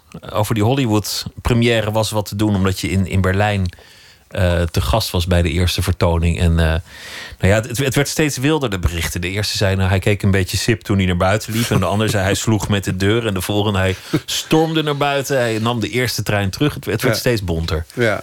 Wat, wat, wat, wat, was er waar? Nee, die slaande deuren is allemaal onzin. En uh, woedend of zo, helemaal niet. Ik was gewoon een beetje ik was teleurgesteld. Ik ben met redelijk hoge, met, ja, met hoge verwachtingen wel naar Berlijn getogen omdat ik dacht, ja, met die acteurs en deze regisseur... dat kan haast niet misgaan. Was, zal vast een goede film zijn. En als dat dan toch tegenvalt... en dan wil ik ook meteen erbij zeggen dat ik dus... ik probeer echt naar een film te kijken... niet zozeer van wat hebben ze met mijn boek gedaan. Dat is, wel lastig, je moet het een beetje loskoppelen. Maar bijvoorbeeld de Italiaanse film... week heel erg af van mijn boek... maar die vind ik toch nog steeds de beste... Uh, dus zo kijk ik er niet naar. Ik probeer gewoon te kijken, is het een goede film? En uh, hier gebeurde iets dat ik zat te kijken... en dat ik na tien minuten dacht... Van, zoals ik ook, bij, zoals ik ook in, naar een andere film zou gaan in bioscoop... dan weet je het meestal al na tien minuten... dat je ondanks de vijf sterren kritieken... toch in de verkeerde film zit. En dat je eigenlijk ook weg kan gaan. Je kan dan gewoon nog kiezen, blijf ik zitten of ga ik weg. En omdat ik het een beetje raar vond om bij een première weg te lopen, ben ik gewoon tot het eind blijven zitten. Maar wel met tegenzin, ja. ja dat, dat, dat, is toch raar, omdat dat het jouw verhaal is, jouw verzinsel, jouw bedenksel. En mm. dat, is, dat, dat is iets dat, dat volgens mij alle schrijvers hebben met, met een boek dat verfilmd wordt. Ja, ja het is daarna aan anderen om ermee verder te gaan. Ja. Het is niet meer jouw kunstwerk of, of jouw verhaal. Het, het, Nee. is een, een verhaal dat, dat gerecycled wordt of herschreven. Of de, ja, ze mogen er alles mee doen. ja. Maar het heeft niks meer met jouw boek te maken. Nee, dat is het ook een beetje. Het is toch een heel, het is een heel ander product. En dat, zo moet je dat ook los van elkaar zien. De enige fout die ik misschien gemaakt heb... is dat ik met te veel... Om, het is natuurlijk ook daar waren een paar journalisten van kranten aanwezig... die dan meteen wilden weten wat ik ervan vond. En toen dacht ik, ja, om nou te gaan zeggen... best aardig, vind ik toch ook niet een beetje slap eigenlijk. Het was, was daarna dus ook een afterparty. Ik had tot dat moment ook niet die regisseur en die acteurs ontmoet. Ik dacht, wat ga ik dan doen? Ga ik naar die afterparty? Nee, want dan moet ik dus tegen Richard Gere dat soort teksten gaan uitbrengen van... Uh, wat, uh, ja, er zaten best goede dingen in. Of wat vond je er zelf eigenlijk van? Weet je, ik ga dat, dat soort hypocriete praatjes niet houden. Dus dan kan ik beter weggaan. Dus dan daardoor kwam ook dat hele gedoe in de weg. Is vertrokken uit Berlijn. Maar dat is wel waar. Ik moest de dagen daarna, had ik nog een programma... zou ik in een aantal van die forums gaan zitten... en interviews hebben, ook over die film. En toen dacht ik, ja, ik heb daar geen zin meer in. Ik, ga, ik kan beter weggaan. Dan breng ik die film misschien nog minste schade toe. Ja, nu zitten we er weer over te praten, dus de schade is alweer begonnen. De schade is echt, echt, al... echt enorm. Maar het is ook een kwestie van smaak of, of, een, of een film of een boek... of iemand dat impliciet durft te houden. Ik vind, ik vind vaak dat, dat het, het plot in, in, uh, in zowel boek als film zo wordt ingevreven. Ja. Heb je hem? Dit is een belangrijk moment. Nu is hij geëmotioneerd. Let op, dit is een groot dilemma, maar hij doet het verkeerde. Ja, Heb je het ja, door? Ja. Violen, nu. ja, precies. Nee, dat soort dingen gebeuren, ja. En, ja, nou ja. En je, ziet, je ziet gewoon, uh, je verhaal wordt gebruikt. Dat is verder prima. Ik moet ook niet te veel zeuren, want ik heb me er ook helemaal niet mee bemoeid. Dus je ziet, ik zie ook echt iets waar, waar ik me door... Ik heb geen script gelezen, ik weet van, van niks. Dus ik laat me verrassen. En, uh, en dan, ja, dan valt het vaak tegen. En uh, niet eens dus zozeer nogmaals wat ze dan met het boek precies gedaan hebben. Want je denkt, ja, ik herken wel dat ze het gebruikt hebben... om, om, om een film te maken. Dat is het dan eigenlijk. Je kan eigenlijk hooguit zeggen... had dan maar misschien zelf een film gemaakt... in plaats van dat boek wel te gebruiken... maar er dan net de accenten verkeerd te leggen. Want dat is eigenlijk wat er het meest wat er gebeurt. Maar los daarvan zat ik in een zaal waar zo'n hele grote Berlijnse Sony Center zaal waar 1500 of 2000 mannen in konden. En je hoorde, je merkte gewoon dat er de eerste 10 minuten nog wel eens een lachje kwam. En daarna werd het langzaam. Je voelt gewoon dat die hele zaal zakte in bij die film. En uh, er was ook zo'n heel waterig applausje, weet je, toch bij een première. Dat je zei, uh, was na een halve minuut was het uitgestorven. Oh, dat is gruwelijk, dat soort, uh, dat soort premières. Ja. Dat, dat is ontzettend naar. Dus ik was niet de enige, bedoel ik. Ik was niet een of andere woedende, gekke schrijver uit Nederland... die met slaande deuren vertrok. Maar iedereen liep een beetje somber die bioscoop uit, hoor. Dat was echt... Uh, en dat, dat, dat, het is wonderlijk dat er nog een paar goede kritieken ook zijn geweest. Mensen die dat niet goed opletten, ben ik bang.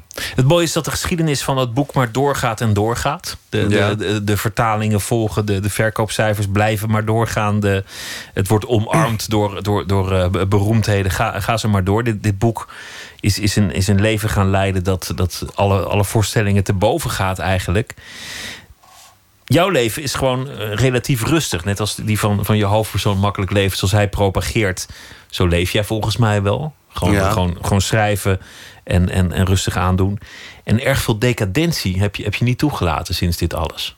Of, of vergis ik me daarin? Nee, eigenlijk niet. Ik Spring, spring jij ja, niet in de band? Heb je geen rare dingen gedaan sinds je fortuin en roem hebt eh, bereikt? Nee, Helemaal ik zou niks. niet weten wat. Nee, ik, Maar je, zou het ook niet weten. nee, ik, zou niet, ik, ik moet dan echt nadenken. Wat, ik, ik geloof dat ik niet, eh, dat er, dat ik niet eh, veranderd ben. Er zijn wel eens vrienden van mij die zeggen... Van, ja, je kan best wat meer uitpakken of zo. Maar ik, het is bij mij ook geen Cal- Calvinistische mentaliteit of zo.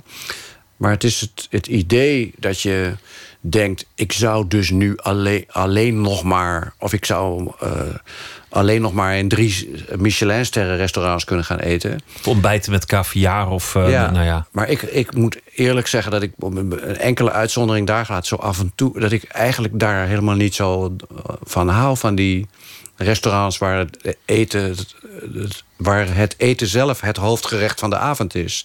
En waar als je een gesprek voert, iedereen je in de reden komt vallen omdat ze uit moeten leggen welk geweldig gerecht ze nu weer op tafel zetten. Dus ik zit toch. Dat, wat dat betreft verandert er niet veel. Het is alleen. Ja, als je iets meer geld hebt. en je denkt op een bepaald moment. sta je ergens in een grote stad. en je denkt, ja, dit is wel. eh, dit is volgens mij waarschijnlijk, is waarschijnlijk wel het duurste hotel van de stad. Maar ja, die andere zijn wat verder weg. Ach, kom, dan gaan we nu gewoon hierheen. Maar of ik dat, als ik dat dan. dat ervaar ik niet als een uitspatting. Dan denk ik alleen maar van, ja, dat kan. Maar ik was ben- eigenlijk al gevormd. Eigenlijk kwam volgens mij dan het, het succes en het geld net te laat om, om nog tot uitspattingen te leiden. Nou, dat zou best kunnen. Het zou best kunnen dat, dat, dat ik op mijn 24ste veel idioter was gaan doen. Had ik me kunnen voorstellen, ja. Dat je dan een bubbelbad had gevuld met, met champagne of wat dan ook. Maar ja, nou, ja, iets. Je moet wel bij, bij, dicht bij jezelf blijven. Ook zelfs in de uitspattingen. Maar ik weet niet of ik daar... Maar het, ik, ik weet niet wat ik had gedaan, ja. Ik ben wel... Kijk, het, ik kan het heel raar om te zeggen... ik ben iets meer reizen gaan maken. Maar de meeste reizen die ik maak... zijn op uitnodiging vanwege vertalingen... en doordat ik naar festivals ga. Dus die echte verre reizen zit het ook niet in. Want ik, ik ben de afgelopen jaren afgelopen vijf, zes jaar meer op reis geweest dan de hele vijftig jaar daarvoor. En eh, op een bepaald moment komt daar ook een kentering in dat je denkt, nou, ik wil nu wel weer eens niet op reis. Ik wil nou wel weer eens thuis blijven. En een boek lezen en een boek schrijven. En, Ja. ja, dat is toch Ja. ook prima. Morgen is een, eh, een mooie avond voor je. Dan, eh, dan ben je de koning van het bal. En ik wens je heel veel eh, plezier Dank morgen. je. En eh, veel succes met eh, het volgende boek alweer. Gewoon, gewoon doorgaan. Ja. En we gaan luisteren naar eh Blauwtsoen. Het is een, eh, van het tweede deel van zijn drieluik dat het album is. Het is wat politieker. En dit nummer heet Modern Talk.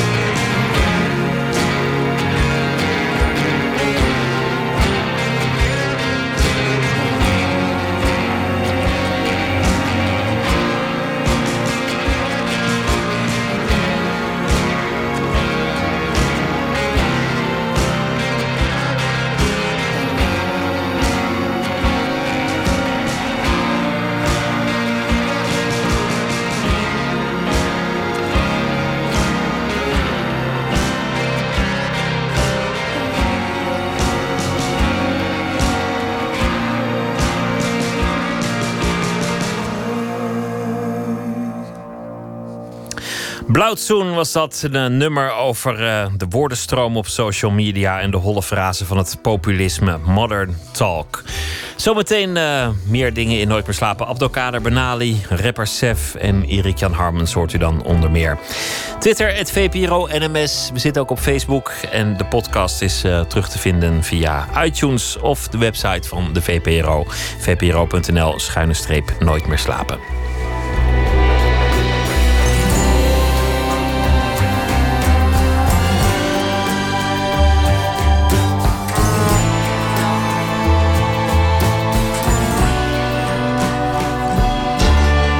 Radio 1. Het nieuws van alle kanten.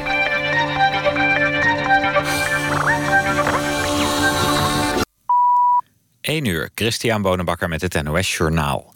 In Capelle in Zeeland zijn bijna 50 huizen ontruimd... vanwege een grote brand bij een fruitbedrijf. Het vuur ontstond afgelopen middag in een stapel van honderden fruitkisten...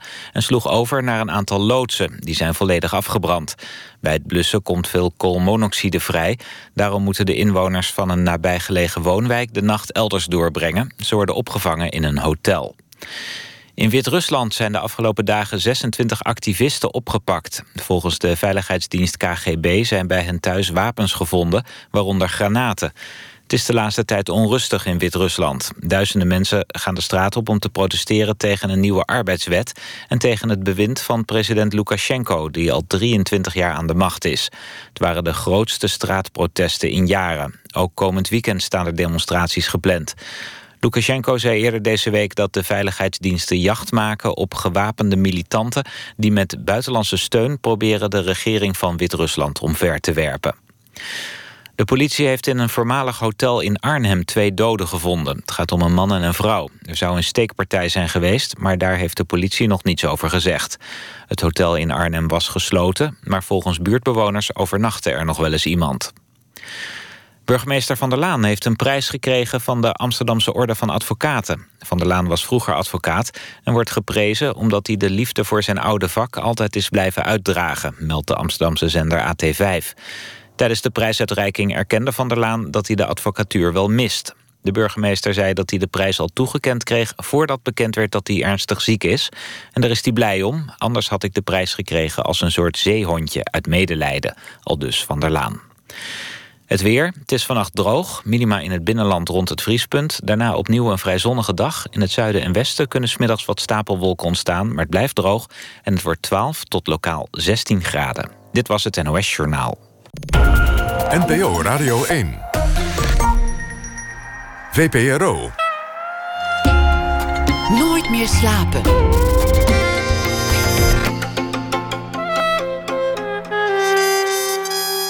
Met Pieter van der Wielen. Zometeen hoort u eh, Abdelkader Benali over Montaigne, de Franse filosoof. En eh, dat naar aanleiding van de reeks Made in Europe over de ziel van de Europese cultuur. Rapper Sef komt op bezoek. Hij heeft een nieuw album, Excusez-moi. En hij eh, komt te gast in de rubriek Open Kaart. Erik Jan Harmens maakt een verhaal bij de dag die achter ons ligt. En dat zal hij zometeen voordragen. Nu het culturele nieuws. De mensen achter kunstproject He Will Not Divide Us van uh, Sheila LaBeouf voelen zich niet langer veilig in de Verenigde Staten. Het begon op 20 januari een, livestream. Voorbijgangers werd gevraagd om een tekst omhoog te houden of in de camera te schreeuwen: He Will Not Divide Us. En de He, dat was dan uh, president Trump. Nu zijn ze belaagd door extreemrechtse activisten. En de livestream is afgesloten. En ze voelen zich bedreigd. En zijn dus nu met het project al verhuisd naar Liverpool. Wie zich eh, Vincent van Gogh wil voelen, kan eh, terecht in een hotelkamer in Boksmeer. Hotel Riche maakte een replica van de beroemde slaapkamer van Van Gogh uit 1888. Het uh, echte bed zou misschien ook wel in Boksmeer hebben gestaan. Althans, dat was een bericht vorig jaar, maar daar bleek niks van waar. Het is dus een kopie, dat kraakt ook wat minder en het kost je 70 euro per overnachting.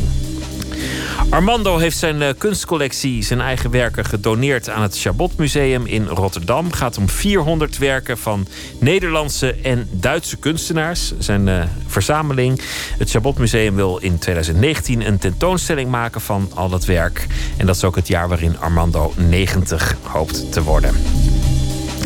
Ophef en ruzie in Nijmegen. De skyline is in gevaar, vindt een eh, groep bezorgde burgers. Gaat allemaal over een eh, toren, een middeleeuwse toren van 50 meter hoog.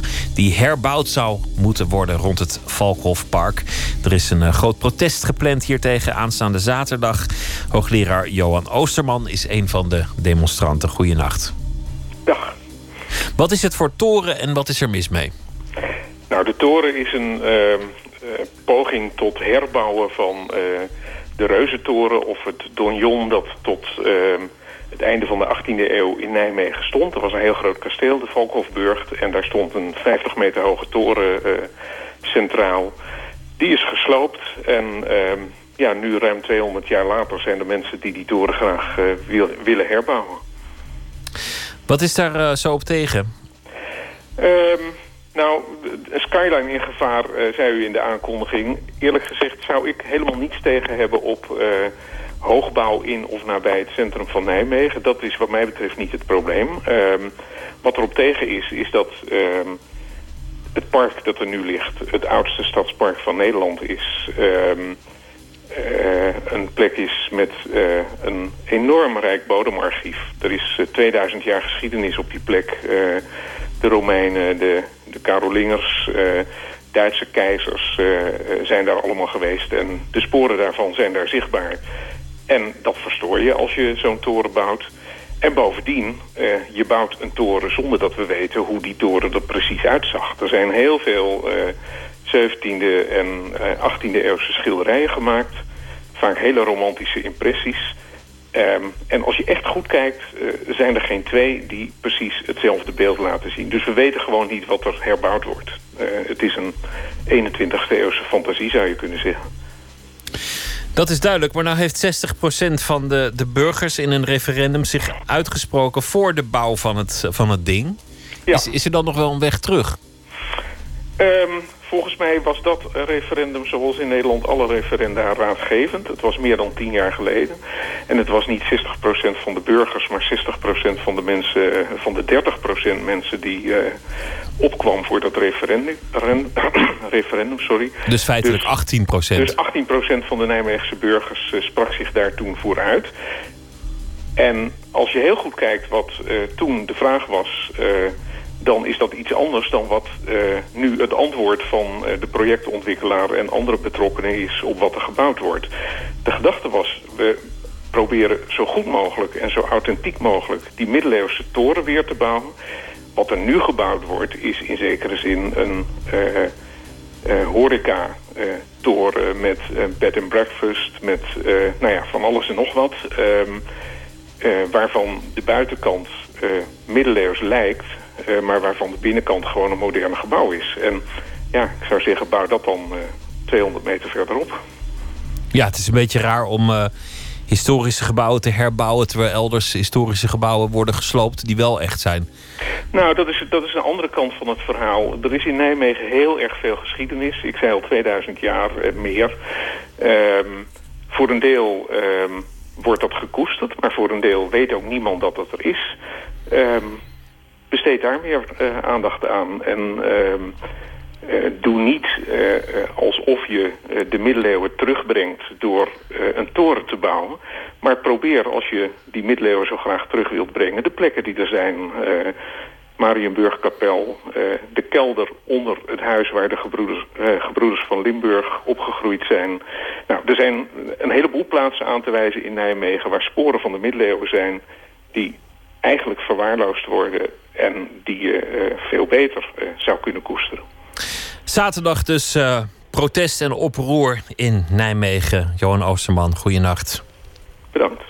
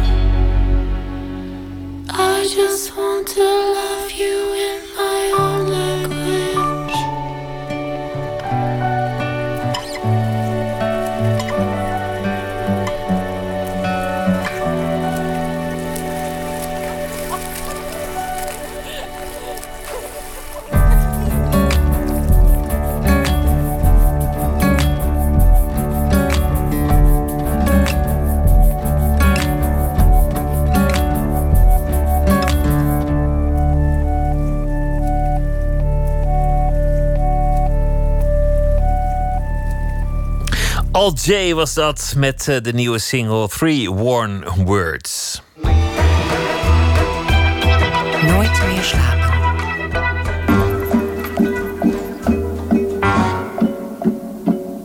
Europa worstelt met een identiteitscrisis. Ga met mij mee door ons werelddeel en ontdek hoe kunst laat zien wie we zijn. Niet het Europa van bureaucraten en bankiers.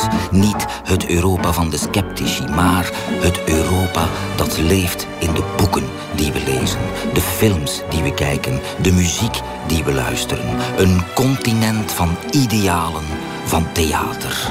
Als ergens de Europese ziel huist, is het misschien daar. Made in Europe. De kunst die ons bindt. In de reeks eh, Made in Europe gaat Dimitri Verhulst op zoek naar de ziel van Europa, het culturele DNA. Dat doet hij aan de hand van thema's. Komende zondag is het thema individualisme. De uitvinder van het ik in de kunst. Dat zou dan zijn de Franse filosoof Michel de Montaigne, bekend van zijn essays. Schrijver en televisiemaker Abdelkader Benali is enorm beïnvloed door de Montaigne. En Emmy Colaudi zocht hem op om te praten over het individu en de gemeenschap. Ik wandel graag, ik eh, loop ook eh, hard en, eh, en ik, ik ervaar mijn individualiteit eh, eh, en alles wat erbij komt kijken het best als ik wandel of hardloop. Niet gaan zitten, want als je gaat zitten, dan, eh, ja, dan ga je eigenlijk tegen, tegen het idee in van jezelf losmaken. Je individualiseren is, is jezelf is in beweging komen. Is loskomen van, van de omgeving om je heen. Is eruit stappen. Eruit stappen. Het was niet echt een keuze. Lopen, zouden we. Als ik schrijver Abdelkader Benali wilde spreken over individualisme. Op het moment dat je in beweging komt, word je subjectief. Dan wordt hoe je denkt en wat je ziet afhankelijk van alles om je heen. We lopen hier nu, ik zie hier een Dalmatiër langskomen. En ik denk dan meteen een hond en een Dalmatiërs van Walt Disney, de tekenfilm. Uh, roept herinneringen op. Ik zie uh, een, een hardloper aankomen lopen. Ik kijk naar de schoenen en ik denk dan meteen aan mijn eigen hardloopschoenen. Ja, dat herken ik wel. Dat, dat als ik wandel, dan heb je opeens tijd voor jezelf. Ja. Maar dan valt opeens die ander me ook op. En dan denk ik opeens, oh, die, die mensen hebben ook allemaal gedachten. Ja. Vind ik ook wel bijna een beetje eng. Ja, dat is zo. En het komt ook keihard binnen, want zo trekken wij ook een beetje de aandacht op die microfoon. Dus wij worden ook gezien. En we kijken terug, dus we zijn allebei heel subjectief met elkaar. En zo zou het moeten zijn eigenlijk. Die, dat, dat, dat, dat het zo kwetsbaar is eigenlijk naar elkaar kijken. Dat je elkaar ziet en even ook verstart. Of even, even, even, even, even denken, oh wie is dat? Wie ben ik? Abdelkader Benali's manier van schrijven en kijken naar de wereld om hem heen is beïnvloed door de 16e-eeuwse filosoof Michel de Montaigne. Zijn laatste roman heet dan ook niet voor niks Montaigne, de Indiaan en de neus van Max Kader. Toen ik de essays van Montaigne las, toen had ik het gevoel, dit is een, ik lees hier de, de schrijfsels van een mens die beweegt. Die in beweging is met de wereld. Die, zich niet, die zichzelf niet ziet als een objectief voorwerp. Het is nu nauwelijks voor te stellen, maar er was een tijd dat het ik gewoonweg niet bestond in de kunst. Dat boeken, gedichten, schilderijen niet het resultaat van die zogenaamde hoogst individuele expressie was. Het was Michel de Montaigne, de Franse filosoof, die tijdens de Renaissance doodgemodereerd zichzelf introduceerde in zijn essays. Uh, voor Montaigne kijken mensen uh, in de boeken of naar religie om een idee over zichzelf te formuleren. En Montaigne zegt van ja, je kan in die boeken kijken. Maar als ik uit het raam kijk, zie ik allerlei dingen die ook een waarheid in zich hebben.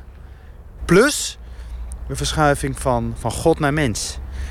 Uh, Montaigne groeit op in een wereld waarin de godsdienstoorlogen beginnen. Hij zit in het kasteel, hij kijkt naar buiten, hij ziet hoe die slachtingen plaatsvinden, hoe mensen elkaar de kop inhakken. En tegelijkertijd ziet hij ook mensen met elkaar proberen samen te leven en met elkaar proberen verhouding te zoeken. Hoe kan het nou? Die mensen aan de ene kant is het een monster die in de naam van God echt iedereen eronder wil proberen te krijgen. En aan de andere kant is het ook gewoon iemand die flirt, kinderen krijgt, van zijn paard valt, aan zijn kont krabt, op het toilet gaat zitten. Wat? En dat was nog nooit opgeschreven? Dat was nog nooit opgeschreven. Eh, eh, een essay, hè?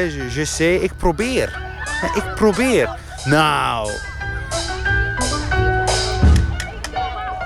En het leuke is dat, dat, dat die gedachte samenvalt met wat wij nu ook doen in onze waarneming hier. We lopen gewoon het park in. En we kijken gewoon. Zonder tussenkomst van God of een boek of boeken of klassieke auteur. We kijken gewoon naar wat er gebeurt. En wat we zien, lezen wij.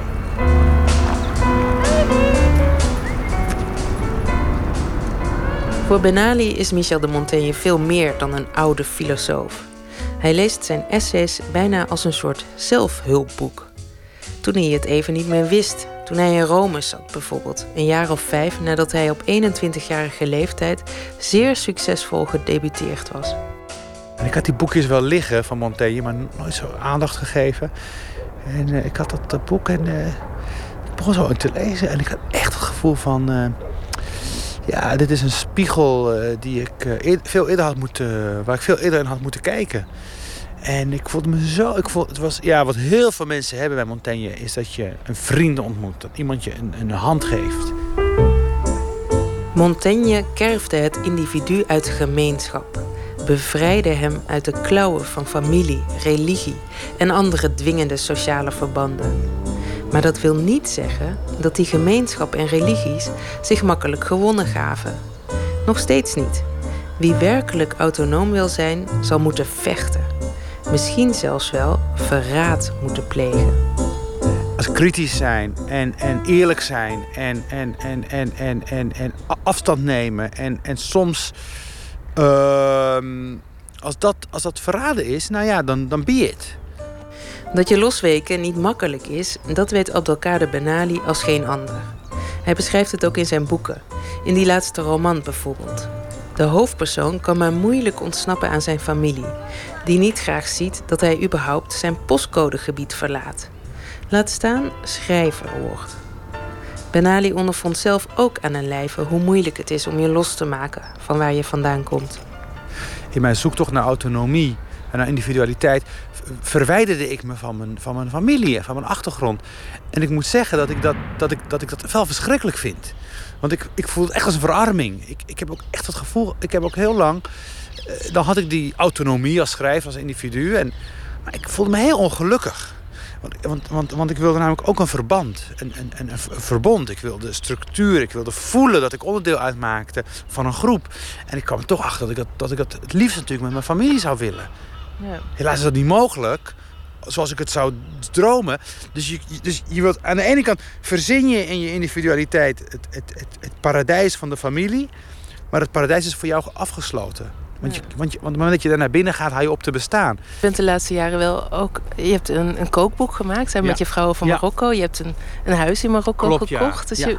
Allemaal manieren om, community, om mijn eigen bubbel te maken. Mijn eigen community. Waar ik ook gewoon weer aan kan schuiven bij mensen. Ik heb een dochter.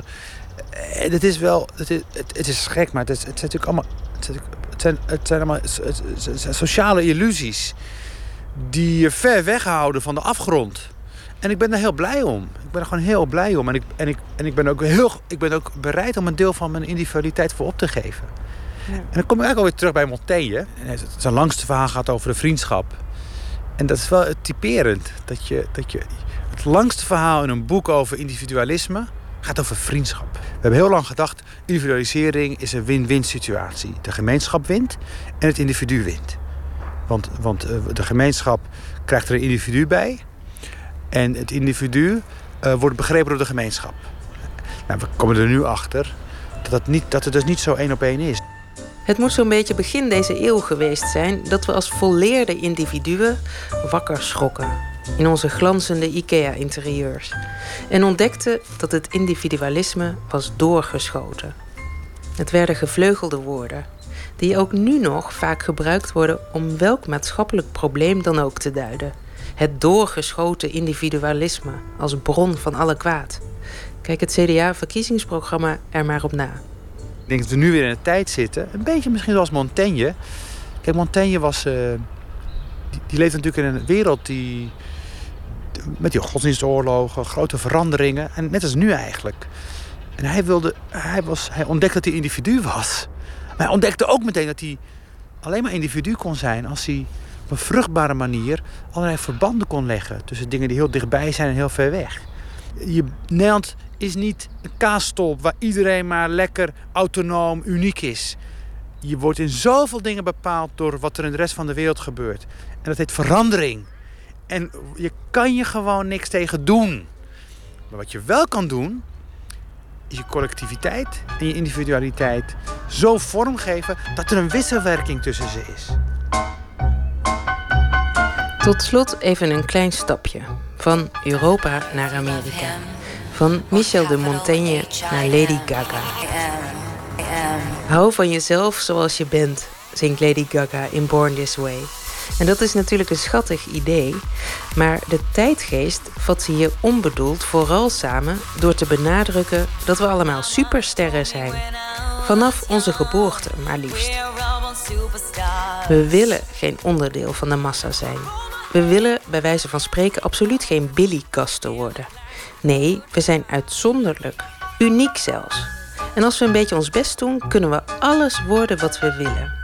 Nu zitten we in een tijd dat, dat, technologie en innovatie zorgt voor een enorme versnelling in dat denken over individualiteit. Kijk naar dingen als Facebook, eh, de sociale media. ehm, ehm, het, het dat mensen met een iPhone film kunnen maken. Ehm, dat is waanzinnig. Dat is een fantastisch renaissance idee. Weet je, wel? Je, je bent filmmaker. Je bent, eh, als je een eh, app downloadt met een, eh, met een, met een, zo'n soundboard, dan ben je muziekmaker. En dan noem je jezelf zo. Iedereen gelooft het.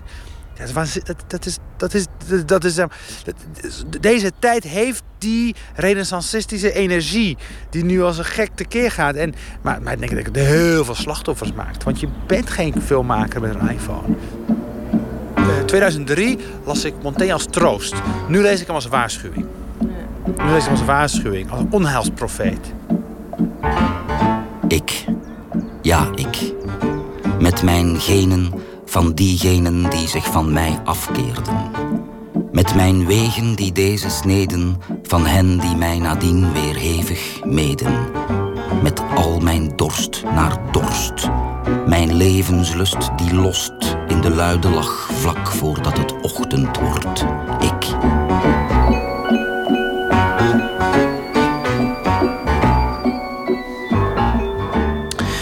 En Nicolaou was dat in gesprek met Abdelkader Benali. Komende zondag ziet u Dimitri Verhulst in Made in Europe, aflevering 7 op NPO 2.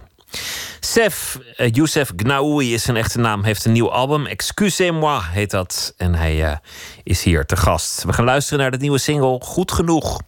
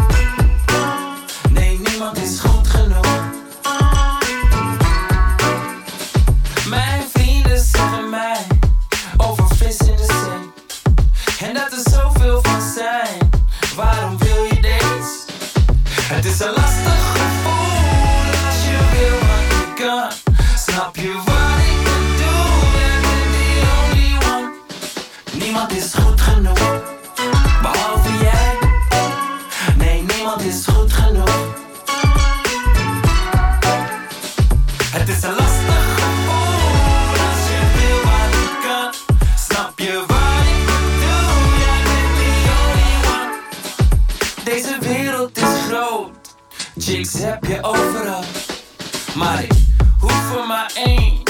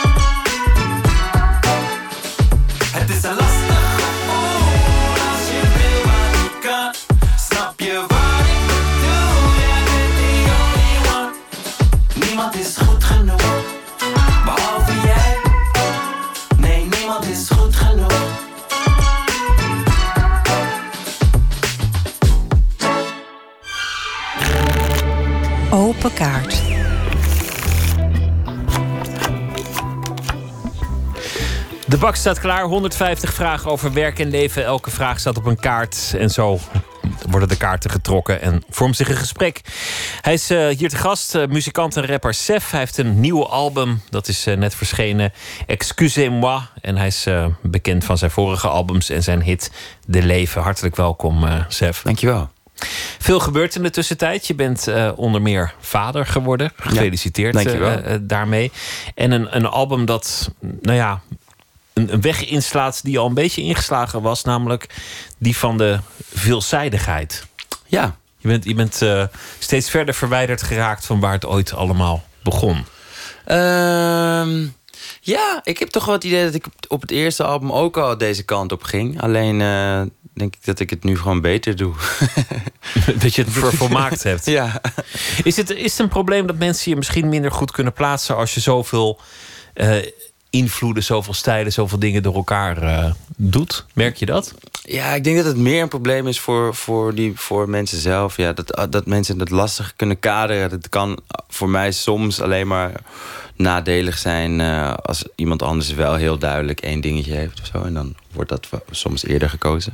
Alleen ehm, wil ik me daar niet door laten leiden. Ik wil gewoon maken wat ik zelf tof vind. En ik hou van, van, van meerdere dingen. En ik vind het juist heel interessant om die ehm, bij elkaar te gooien. En ook met elkaar te laten botsen. Maar jouw eigen publiek, de, de mensen die naar je optredens komen, je, Mhm. je, je, je fans, je vaste luisteraars, die, eh, die, die houden jou niet vast op een bepaald punt. Nee, ik heb wel het gevoel dat ik voor mezelf een beetje die, die plek heb eh, eh, moeten veroveren of heb veroverd. Ehm, dat ik de vrijheid heb om te doen waar ik zin in heb. En dat de mensen die echt van, van mijn muziek houden, dat ook verwachten van mij. Dus dat ik niet, eh, die verwachten juist dat ik niet twee keer hetzelfde doe. Het is, het is een, eh, een, een heel positieve plaat, zo zou ik het omschrijven. Ja. Het is een, het is een, een plaat van, van, van blijdschap, vreugde, Mhm. euforie zelfs hier en daar. Is, de, is, dat, is, is dat iets waar je van tevoren over nadenkt of ontstaat dat gewoon? Nee, ja, ik, ik denk dat het ook gewoon is het, het soort muziek waar ik graag naar luister. Ik, hou- ik hou ook niet heel erg van heel erg dra- hele dramatische dingen. Ehm, en als ik iets dramatisch of iets serieus zeg, dan verpak ik het liever in een vrolijk jasje. Omdat ik het dan. eh, ja, dat vind, ik vind het gewoon interessanter. Om het vrolijk te houden? Nou, ik, ik hou er gewoon niet van eh, om rode rozen rood te kleuren. Dus eh, om dingen er heel erg dik bovenop te leggen. En heel erg heel, heel dramatisch en zwaar over een dramatisch en zwaar onderwerp praten, vind ik niet, vind ik niet, eh, vind ik niet zo interessant.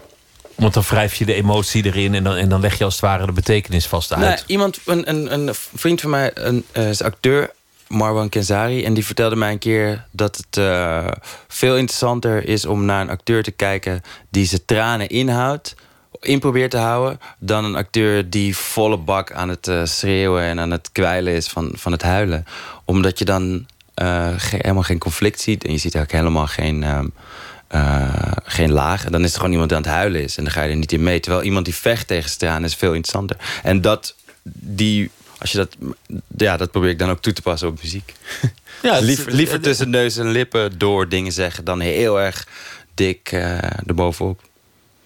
Wat, wat zijn eigenlijk jouw, jouw invloeden? Wel- Welke, welke muziek heeft jou eh, gevormd? Wat zijn de dingen die altijd terug zullen komen? Eh, Michael Jackson.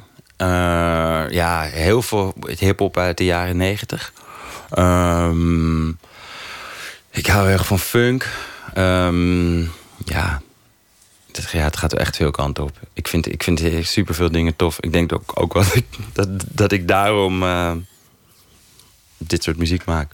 Omdat je zelf veel luistert, dan, dan, komt het er ook in, in terug in je eigen muziek. Ja, ik denk dat ik gewoon dat ik elke keer als ik iets luister wat me, wat me iets doet, dat ik dat in mijn achterhoofd hou. En dat op het moment dat ik dan zelf iets ga maken, dat al die dat ik een soort kistje heb, zoals dit, met allemaal, eh, allemaal ingrediënten die ik, die ik dan kan gaan gebruiken.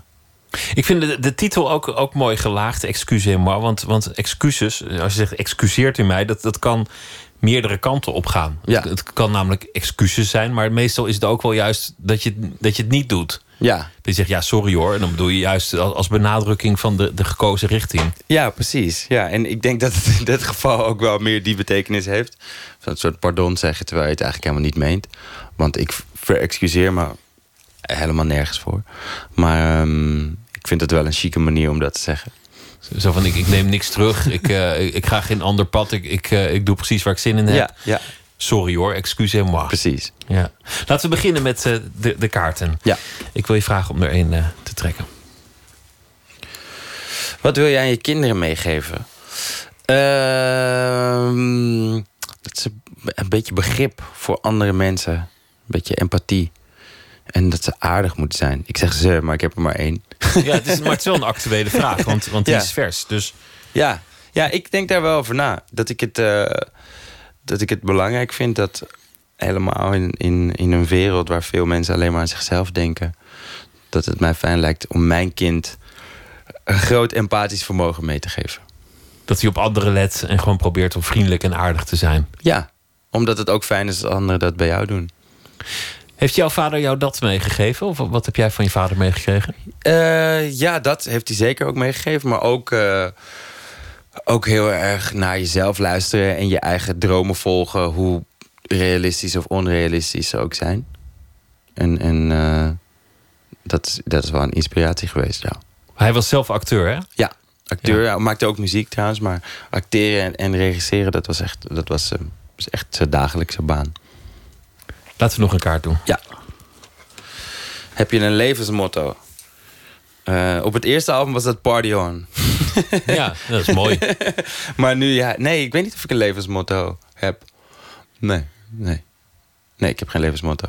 Nou, Party On is goed Party genoeg, On is wel een goeie, ja. ja, vind ik wel. Doe er nog geen. Ja. Wat is volgens jou de beste plek om te wonen? Ehm, ja, dat is een gekke vraag. Mm, ik vind Amsterdam een hele fijne plek om te wonen. Omdat het wel een, een, eh, een, een soort van een grote stad is. Omdat Amsterdam denkt dat het een grote stad is. Maar dat eigenlijk helemaal niet is. Het is eigenlijk een provinciestad als je het, als je het zou vergelijken met, met echte wereldsteden. Ja, als ik, van, als ik van een reis terugkom in Amsterdam, dan ben ik ook altijd wel heel blij van. Oh ja, het is allemaal wel heel erg handzaam en alles is wel eh, gewoon eh, makkelijk bereikbaar. En het is ook wel fijn om te kunnen fietsen. Ja, ik vind, hem- ik vind het een fijne stad. Heb je wel eens overwogen ergens anders te wonen? Zijn, zijn er andere plekken die... eh, Mm, ja. ja, ik heb het nooit, nooit concreet overwogen, maar ik heb altijd nog wel het idee dat ik een, in ieder geval een tijdje in New York zou willen wonen of ergens anders in, eh, in Amerika. Los Angeles beviel me ook heel erg. Ehm, maar ik, permanent zie ik mezelf niet ergens anders. Ik denk dat ik altijd wel terug zou gaan naar Amsterdam. Trek nog een kaart. Welk bedrog is je sterk bijgebleven? Mm, nou, recentelijk die brief van eh, Mark Rutte.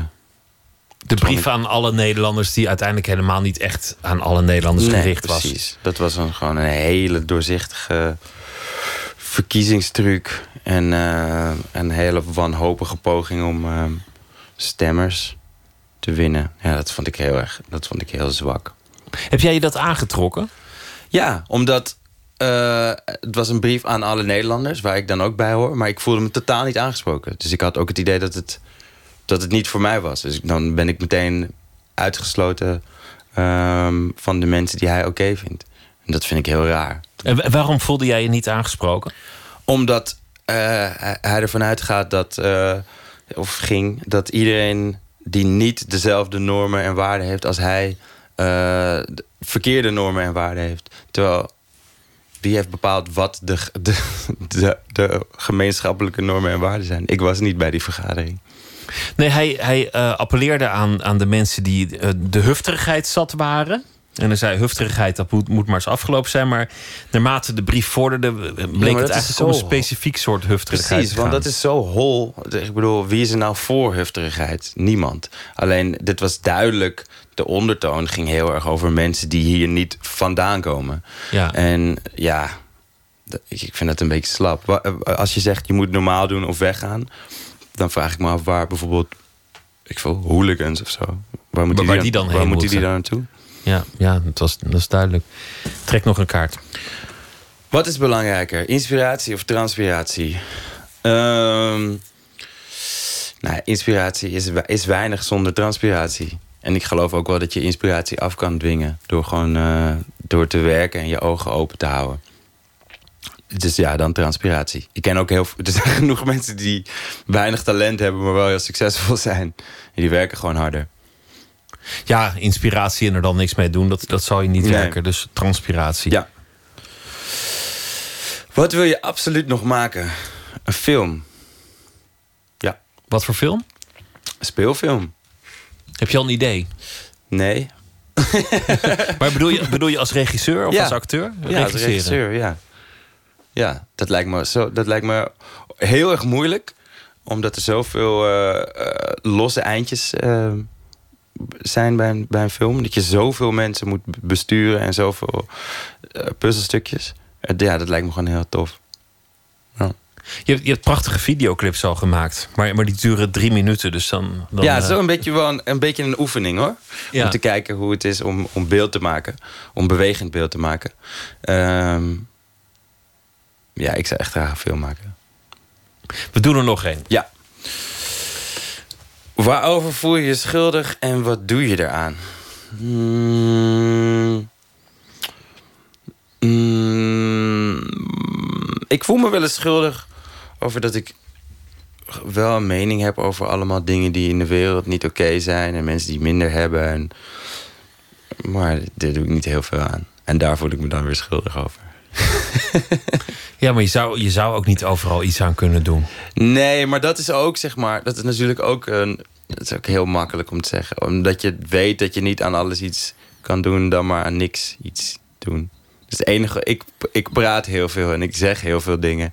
En probeer daarmee dan, denk ik, dat schuldgevoel een beetje af te kopen. Ik zag vandaag zo'n filmpje. eh, dat was stiekem opgenomen in een slachthuis in België. Ja, ik heb het nog niet aangeklikt. Doe dat ook gewoon even niet. Nee. Maar, maar je, ziet, je ziet dat die varkens gruwelijk worden mishandeld. Ja. En, en ja, het zou me eigenlijk niet verbazen als dat wel op meer plekken gebeurt. Ja. En, en dan denk je toch van ja, ben ik dan vegetariër als ik er zo'n mening over heb? Ik ben een vegetariër. Ja. Daar, heb je, daar heb je eigenlijk wel gelijk in. Ik, ik zelf niet. Nee. En dan kijk je naar dat filmpje en dan, ja, dat, Nou ja, het is de manier, is manier waarop. Ik bedoel, dieren eten ook dieren. Ik ben, ik ben ook, niet- ook niet tegen het eten van vlees. Maar wel tegen het, het nodeloos mishandelen van, van, van dieren. Dat is gewoon niet nodig. Nou, dat gebeurt op dit filmpje zeker. Ja. Klik het niet aan. Ga doe, ik het, doe het niet. Nee. Gun jezelf die nachtrust. Neem, neem nog één kaart. Heb je tatoeages? Nee, ik heb geen tatoeages.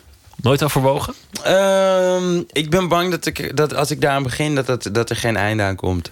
Ik, ik vind op zich wel, ik, ik vind tatoeages soms wel, eh, wel tof bij sommige mensen. Ehm, maar ik, ik vind één tatoeage geen tatoeage. Dus ik vind dat je of helemaal onder moet of niet. Of niet. Of ja. niet. En dan ga ik, ja, daar, daar ga ik niet aan beginnen. Meestal werkt het wel zoals jij het zegt. Dat, dat mensen dan eerst de armen, dan, eh, Ja. dan de borst, dan de benen, dan de, de, de schouders, de vingers. Ik was een tijdje geleden op het strand en toen dacht ik, oh, ik ben echt een van de weinige eh, mensen zonder tatoeages. Toen dacht ik, ah, misschien is dat ook wel. Misschien is dat het nie- nieuwe cool. Ik vind het wel een geestig paradox. Iedereen wil opvallen met zijn tato en jij valt op, want je hebt er geen. Ja. Dat is toch mooi? En ik denk ook dat ik snel. eh, ik raak soms best wel. Ik raak vaak snel uitgekeken op dingen. En met een tatoeage is dat, eh, is dat lastig. Want je kan er niet zoveel aan doen als je hem eenmaal hebt. Dankjewel, Sef, dat je langs wilde komen. En eh, gefeliciteerd met het nieuwe album Excusez-moi. Dank je. En zaterdag ben je te zien in eh, Tivoli Vredeburg in Utrecht. En daarna een tournee door het hele land. Klopt. Heel veel plezier, dankjewel. Dank je. Julian Baker, een Amerikaanse zanger. En die eh, houdt zoveel van zijn favoriete fastfood van Dunkin' Donuts. Dat, eh, dat ze zelfs een donut op de enkel heeft laten tatoeëren. Gelukkig eh, houdt ze ook van zingen. Dit nummer heet Distant Solar Systems.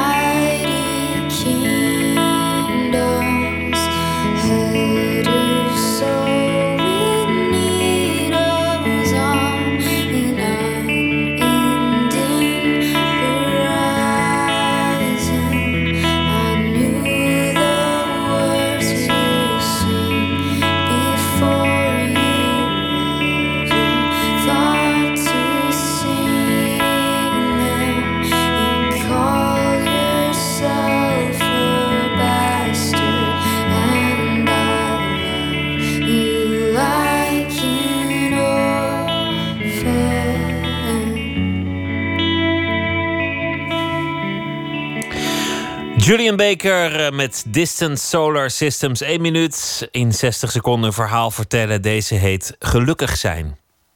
Pst. 1 minuut. Vroeger wou ik alleen maar heel veel geld verdienen. En dat deed ik ook. Ik was slager, uitbener. En eh, nu wil ik graag gewoon eh, gelukkig zijn, leven. En vroeger ik alleen maar, dacht ik dat ik geld verdienen, geld verdienen, veel in de zak hebben, groot huis kunnen kopen, een dikke auto kunnen hebben, alles bij elkaar. Dacht ik dat dat het geluk was. En ja, meer daar dacht ik niet aan. En daar ben ik helemaal op kapot gelopen. Ook, eh, da- daardoor ben ik dus ook in mijn drugs eh, terechtgekomen. Ik zeg niet dat het de schuld ervan is, want dat ben je altijd zelf. 12 jaar in de gevangenis gezeten. Niet in één stuk, maar zeg maar in vier, vijf keer. Dus 12 jaar bij elkaar. Maar eh, ja, nu ben ik op een punt gekomen dat ik er eh, bijvoorbeeld een tientje, die twee tientjes die ik vandaag dan verdien, al met het werk wat ik nou doe. Wij maken de stad schoon. Daar kan ik veel meer van genieten dan van vroeger van duizend, eh, duizend gulden wat ik verdiende. Ja, dat maakt het nu veel leuker. Het leven is veel mooier zo op deze manier. 1 minuut gemaakt door Katinka Beer.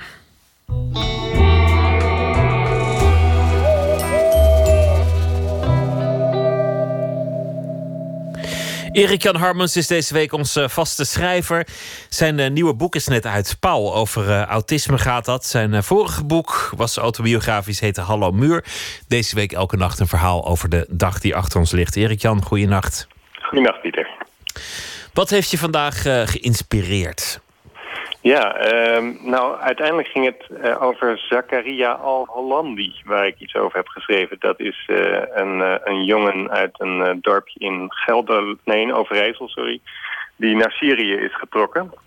En hij was postbode in, in Overijssel en nu is hij grensbewaker in Syrië geworden. En daar heb ik iets over geschreven. Een beetje ook in vervolg op gisteren, want dan hadden natuurlijk die ehm, aanslag in Londen. En daarvoor hadden we dat non-nieuws over het boekenbal, weet je nog?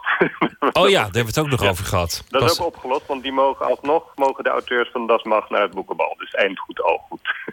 Nou, dat, dat zeg je nou wel, maar ik vind dat die, dat die, dat die mensen van het CPNB een ruggengraat moeten tonen, voor bij stuk moeten houden. Ja, en ik had het, het leuk gevonden dat die schrijvers van Das Mag zich erin zouden vechten. Dat is toch ook wel eens leuk, hè? Dat gebeurt toch ook veel te weinig. Ja, dat, dat, dat was ook leuk. Maar ik vind als je dan toch een, een, een suffe maatregel bedenkt, handhaaf hem dan in ieder geval. Handhaven. Precies, heel goed. Ja. Goed, Maar niet- ehm, je Zakaria. Al-Hollandi, komt die. De 29-jarige Victor Drosten sloot zich vier jaar geleden aan bij de rebellen in Syrië. Drosten komt uit Heten, een dorpje in Salland. Tussen het vechten door schrijft de voormalige postbode op Facebook niet alleen over de heilige strijd. Hij plaatst ook regelmatig foto's uit Nederland. Laatst nog van een Sallands beekje. In de Telegraaf zei Drosten zijn moeder te missen. En Salland, voegde hij toe. Ik vond het altijd heerlijk om er met de fiets op uit te trekken. Hier in Syrië lukt dat niet. Het is toch oorlogsgebied. Drosten werd vanmorgen in de Telegraaf een heimwee-jihadist genoemd. Ik bezocht de website van Heten om meer te weten te komen over het dorp waar hij soms zo naar terug verlangt. Op die website las ik een oproep van Lama Hassan, die twee jaar geleden vluchtte voor de oorlog uit Syrië en onderdak vond in Heten. Ze loopt nu stage bij kapperszaak De Landsteden in Zwolle. Voor mijn opleiding ben, ik op zoek naar vrouwelijke modellen om te oefenen, schrijft ze. Voor de donderdagmiddag heb ik modellen nodig die met mij meegaan naar Zwolle. Ik oefen dan met knippen, wassen, feunen. Daarnaast mag ik op vrijdag iemand meenemen naar kapsalon Schuurman in Raalte... waar ik stage loop en oefen met feunen en verven. De knipbeurten, feunen en verven zijn gratis. Mocht je mij willen helpen, stuur een mail naar hassanlama2015.gmail.com. Salland verloor een heimwee-jihadist, maar kreeg er een energieke kapper in de dop voor terug. Ik ben benieuwd of Lama Hassan nu ook foto's maakt van Sallandse beekjes... en of ze er inmiddels net zo graag met de fiets op uittrekt als Victor Drosten. In Syrië kon ze dat niet. Het was toch oorlogsgebied. Wonderlijk. Eens zo'n Ja. dorpje met, met, een, met een intocht en een uittocht van, eh, Precies. van, Syriëgangers en. Ja, vluchtelingen, jihadisten, heimwee-jihadisten. Heimwee-jihadisten, ja. Ja, je had ook zo'n jongen uit, eh, uit mijn woonplaats Leiden, een paar maanden geleden. Die was op het journaal, want die, die, die was daar eenmaal in Syrië. En toen had hij zijn ouders laten weten dat het allemaal vies tegenviel, Oh, die jihad. Mocht, mocht hij terug? Nee, dat, dat was nog een beetje een ding. Hmm. Niemand kwam hem halen. Nee, nee, nee, nee, nee, precies. Volgens mij laten ze je ook niet zomaar binnen, toch? Want er was ook een vrouw die terug was gekeerd, maar die zit volgens mij nog steeds vast, zover ik weet zelfs. Dus het is ook een beetje een one-way eh, one-way street. Ja, je de- ja, ja, je moet je, je, ja. moet je goed, eh, goed inlezen alvorens je daar naartoe gaat en, en Je goed achter je hoofd eh, krabben. Geen, proef, geen proeftijd en geen bedenktijd. Nee, ik had, ik had ergens ook wel een soort medelijden met zo'n jongen. Omdat het, dat het gewoon zo naïef was om daar naartoe te gaan. En dan eenmaal daar erachter te komen dat dat niet leuk is. ja, precies. Je hebt ook helemaal geen wifi. Nee, het, het is helemaal niet comfortabel. Het eten valt tegen. Nou ja, et cetera. Morgen ga je een verhaal voordragen vanaf het boekenbal. Ja, ik zoek een rustig plekje op ergens, eh, hoop ik. Is dat nou wel een goed idee? Wat? Ja, om een verhaal voor te dragen vanaf het boekenbal. Eh, nou, geluidstechnisch lijkt me vooral een uitdaging, toch? Ja, kijk, ik drink niet, dus ik ben, ik ben Nee, dat weet een ik. aap. Nee, da- daar was ik ook niet bang voor. Maar, maar meer dat je daar in dat feestgedruis staat en dan, dan moet concentreren op, eh, op een hoogstaand. Je moet het allemaal lekker zelf weten. Ik spreek je morgen. Ik spreek je morgen, Pieter. Goeienacht, Erik-Jan. Jeuk. Beirut, een Amerikaanse band. En eh, ze hebben lange tijd eh, getoerd en gespeeld. Uit 2015 is dit nummer At Once.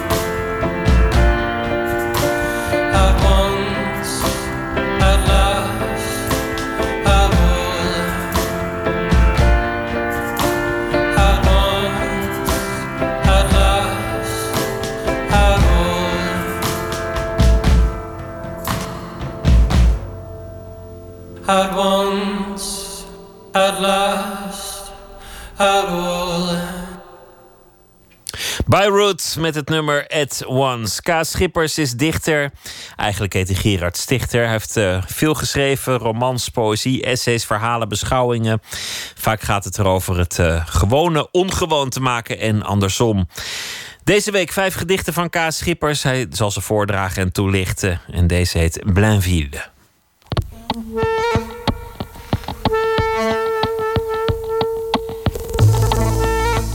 Blainville als bos. Altijd bomen. Indien plantaardig onbekend, denken we misschien niets. Of even groen. Een andere taal wipt de flora pas echt in vorm. De borden langs de weg mededelingen van winkeliers. Bosrand, toch in zoveel landen gelijk, wordt ineens typisch van de streek. Leiden, Dieppe en Watton under Edge hebben dezelfde bomen, maar wat we zien moet mijn burgerlijke stand. Woorden voor oog en oor regelen bliksemsnelle aangifte. Ter plekke, dit is Frans. De pijl met laatst gepasseerde stadzinnen als n'est-ce pas, ah oui, mais non. Dat zijn de werkelijke bomen. We trekken een bos minder dan en passant binnen de Franse grenzen. Het zijn topografische klanken. Het woord dokter op een deur naast dertig eendere deuren, huizen, gapers, boven niet gevulde etalages. Ja, hier probeer ik altijd mijn dochters, toen ze klein waren, mee te vermaken. Als we dan ergens reden, door zo'n bos. Ik zeg, hoe weet je nou eigenlijk waar we zijn? Nou ja, ja, maar waar staat het?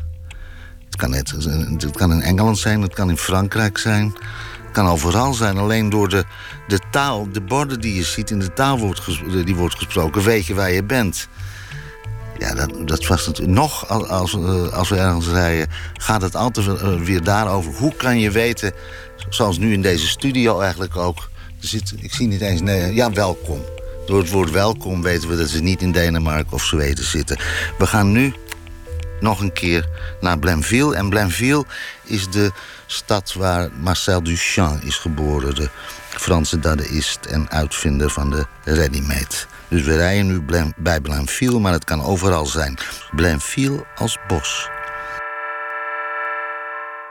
Altijd bomen. Indien plantaardig onbekend, denken we misschien niets. Of even groen. Een andere taal wipt de flora pas echt in vorm. De borden langs de weg, mededelingen van winkeliers.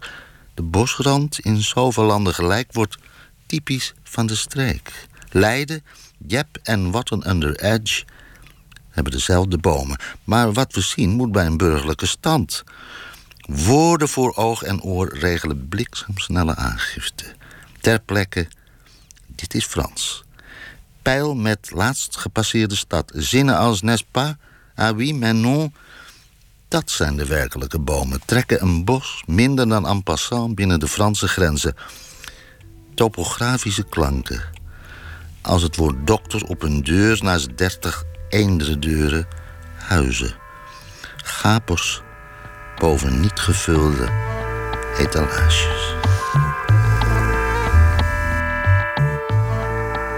Kaas Schippers las het gedicht Blainville. Morgen in Nooit meer slapen komt Hella Jongerius op bezoek. Een van 's werelds belangrijkste industrieel ontwerpers. En eh, ze heeft nu een prijs die ze komend weekende in ontvangst zal nemen. De Sickens Prize. En daarmee wordt ze opgenomen in een rijtje zeer beroemde ontwerpers. Rietveld, Le Corbusier en Donald Judd. En dat eh, gaan we allemaal morgen wel bespreken. Voor nu een hele goede nacht en graag weer tot morgen.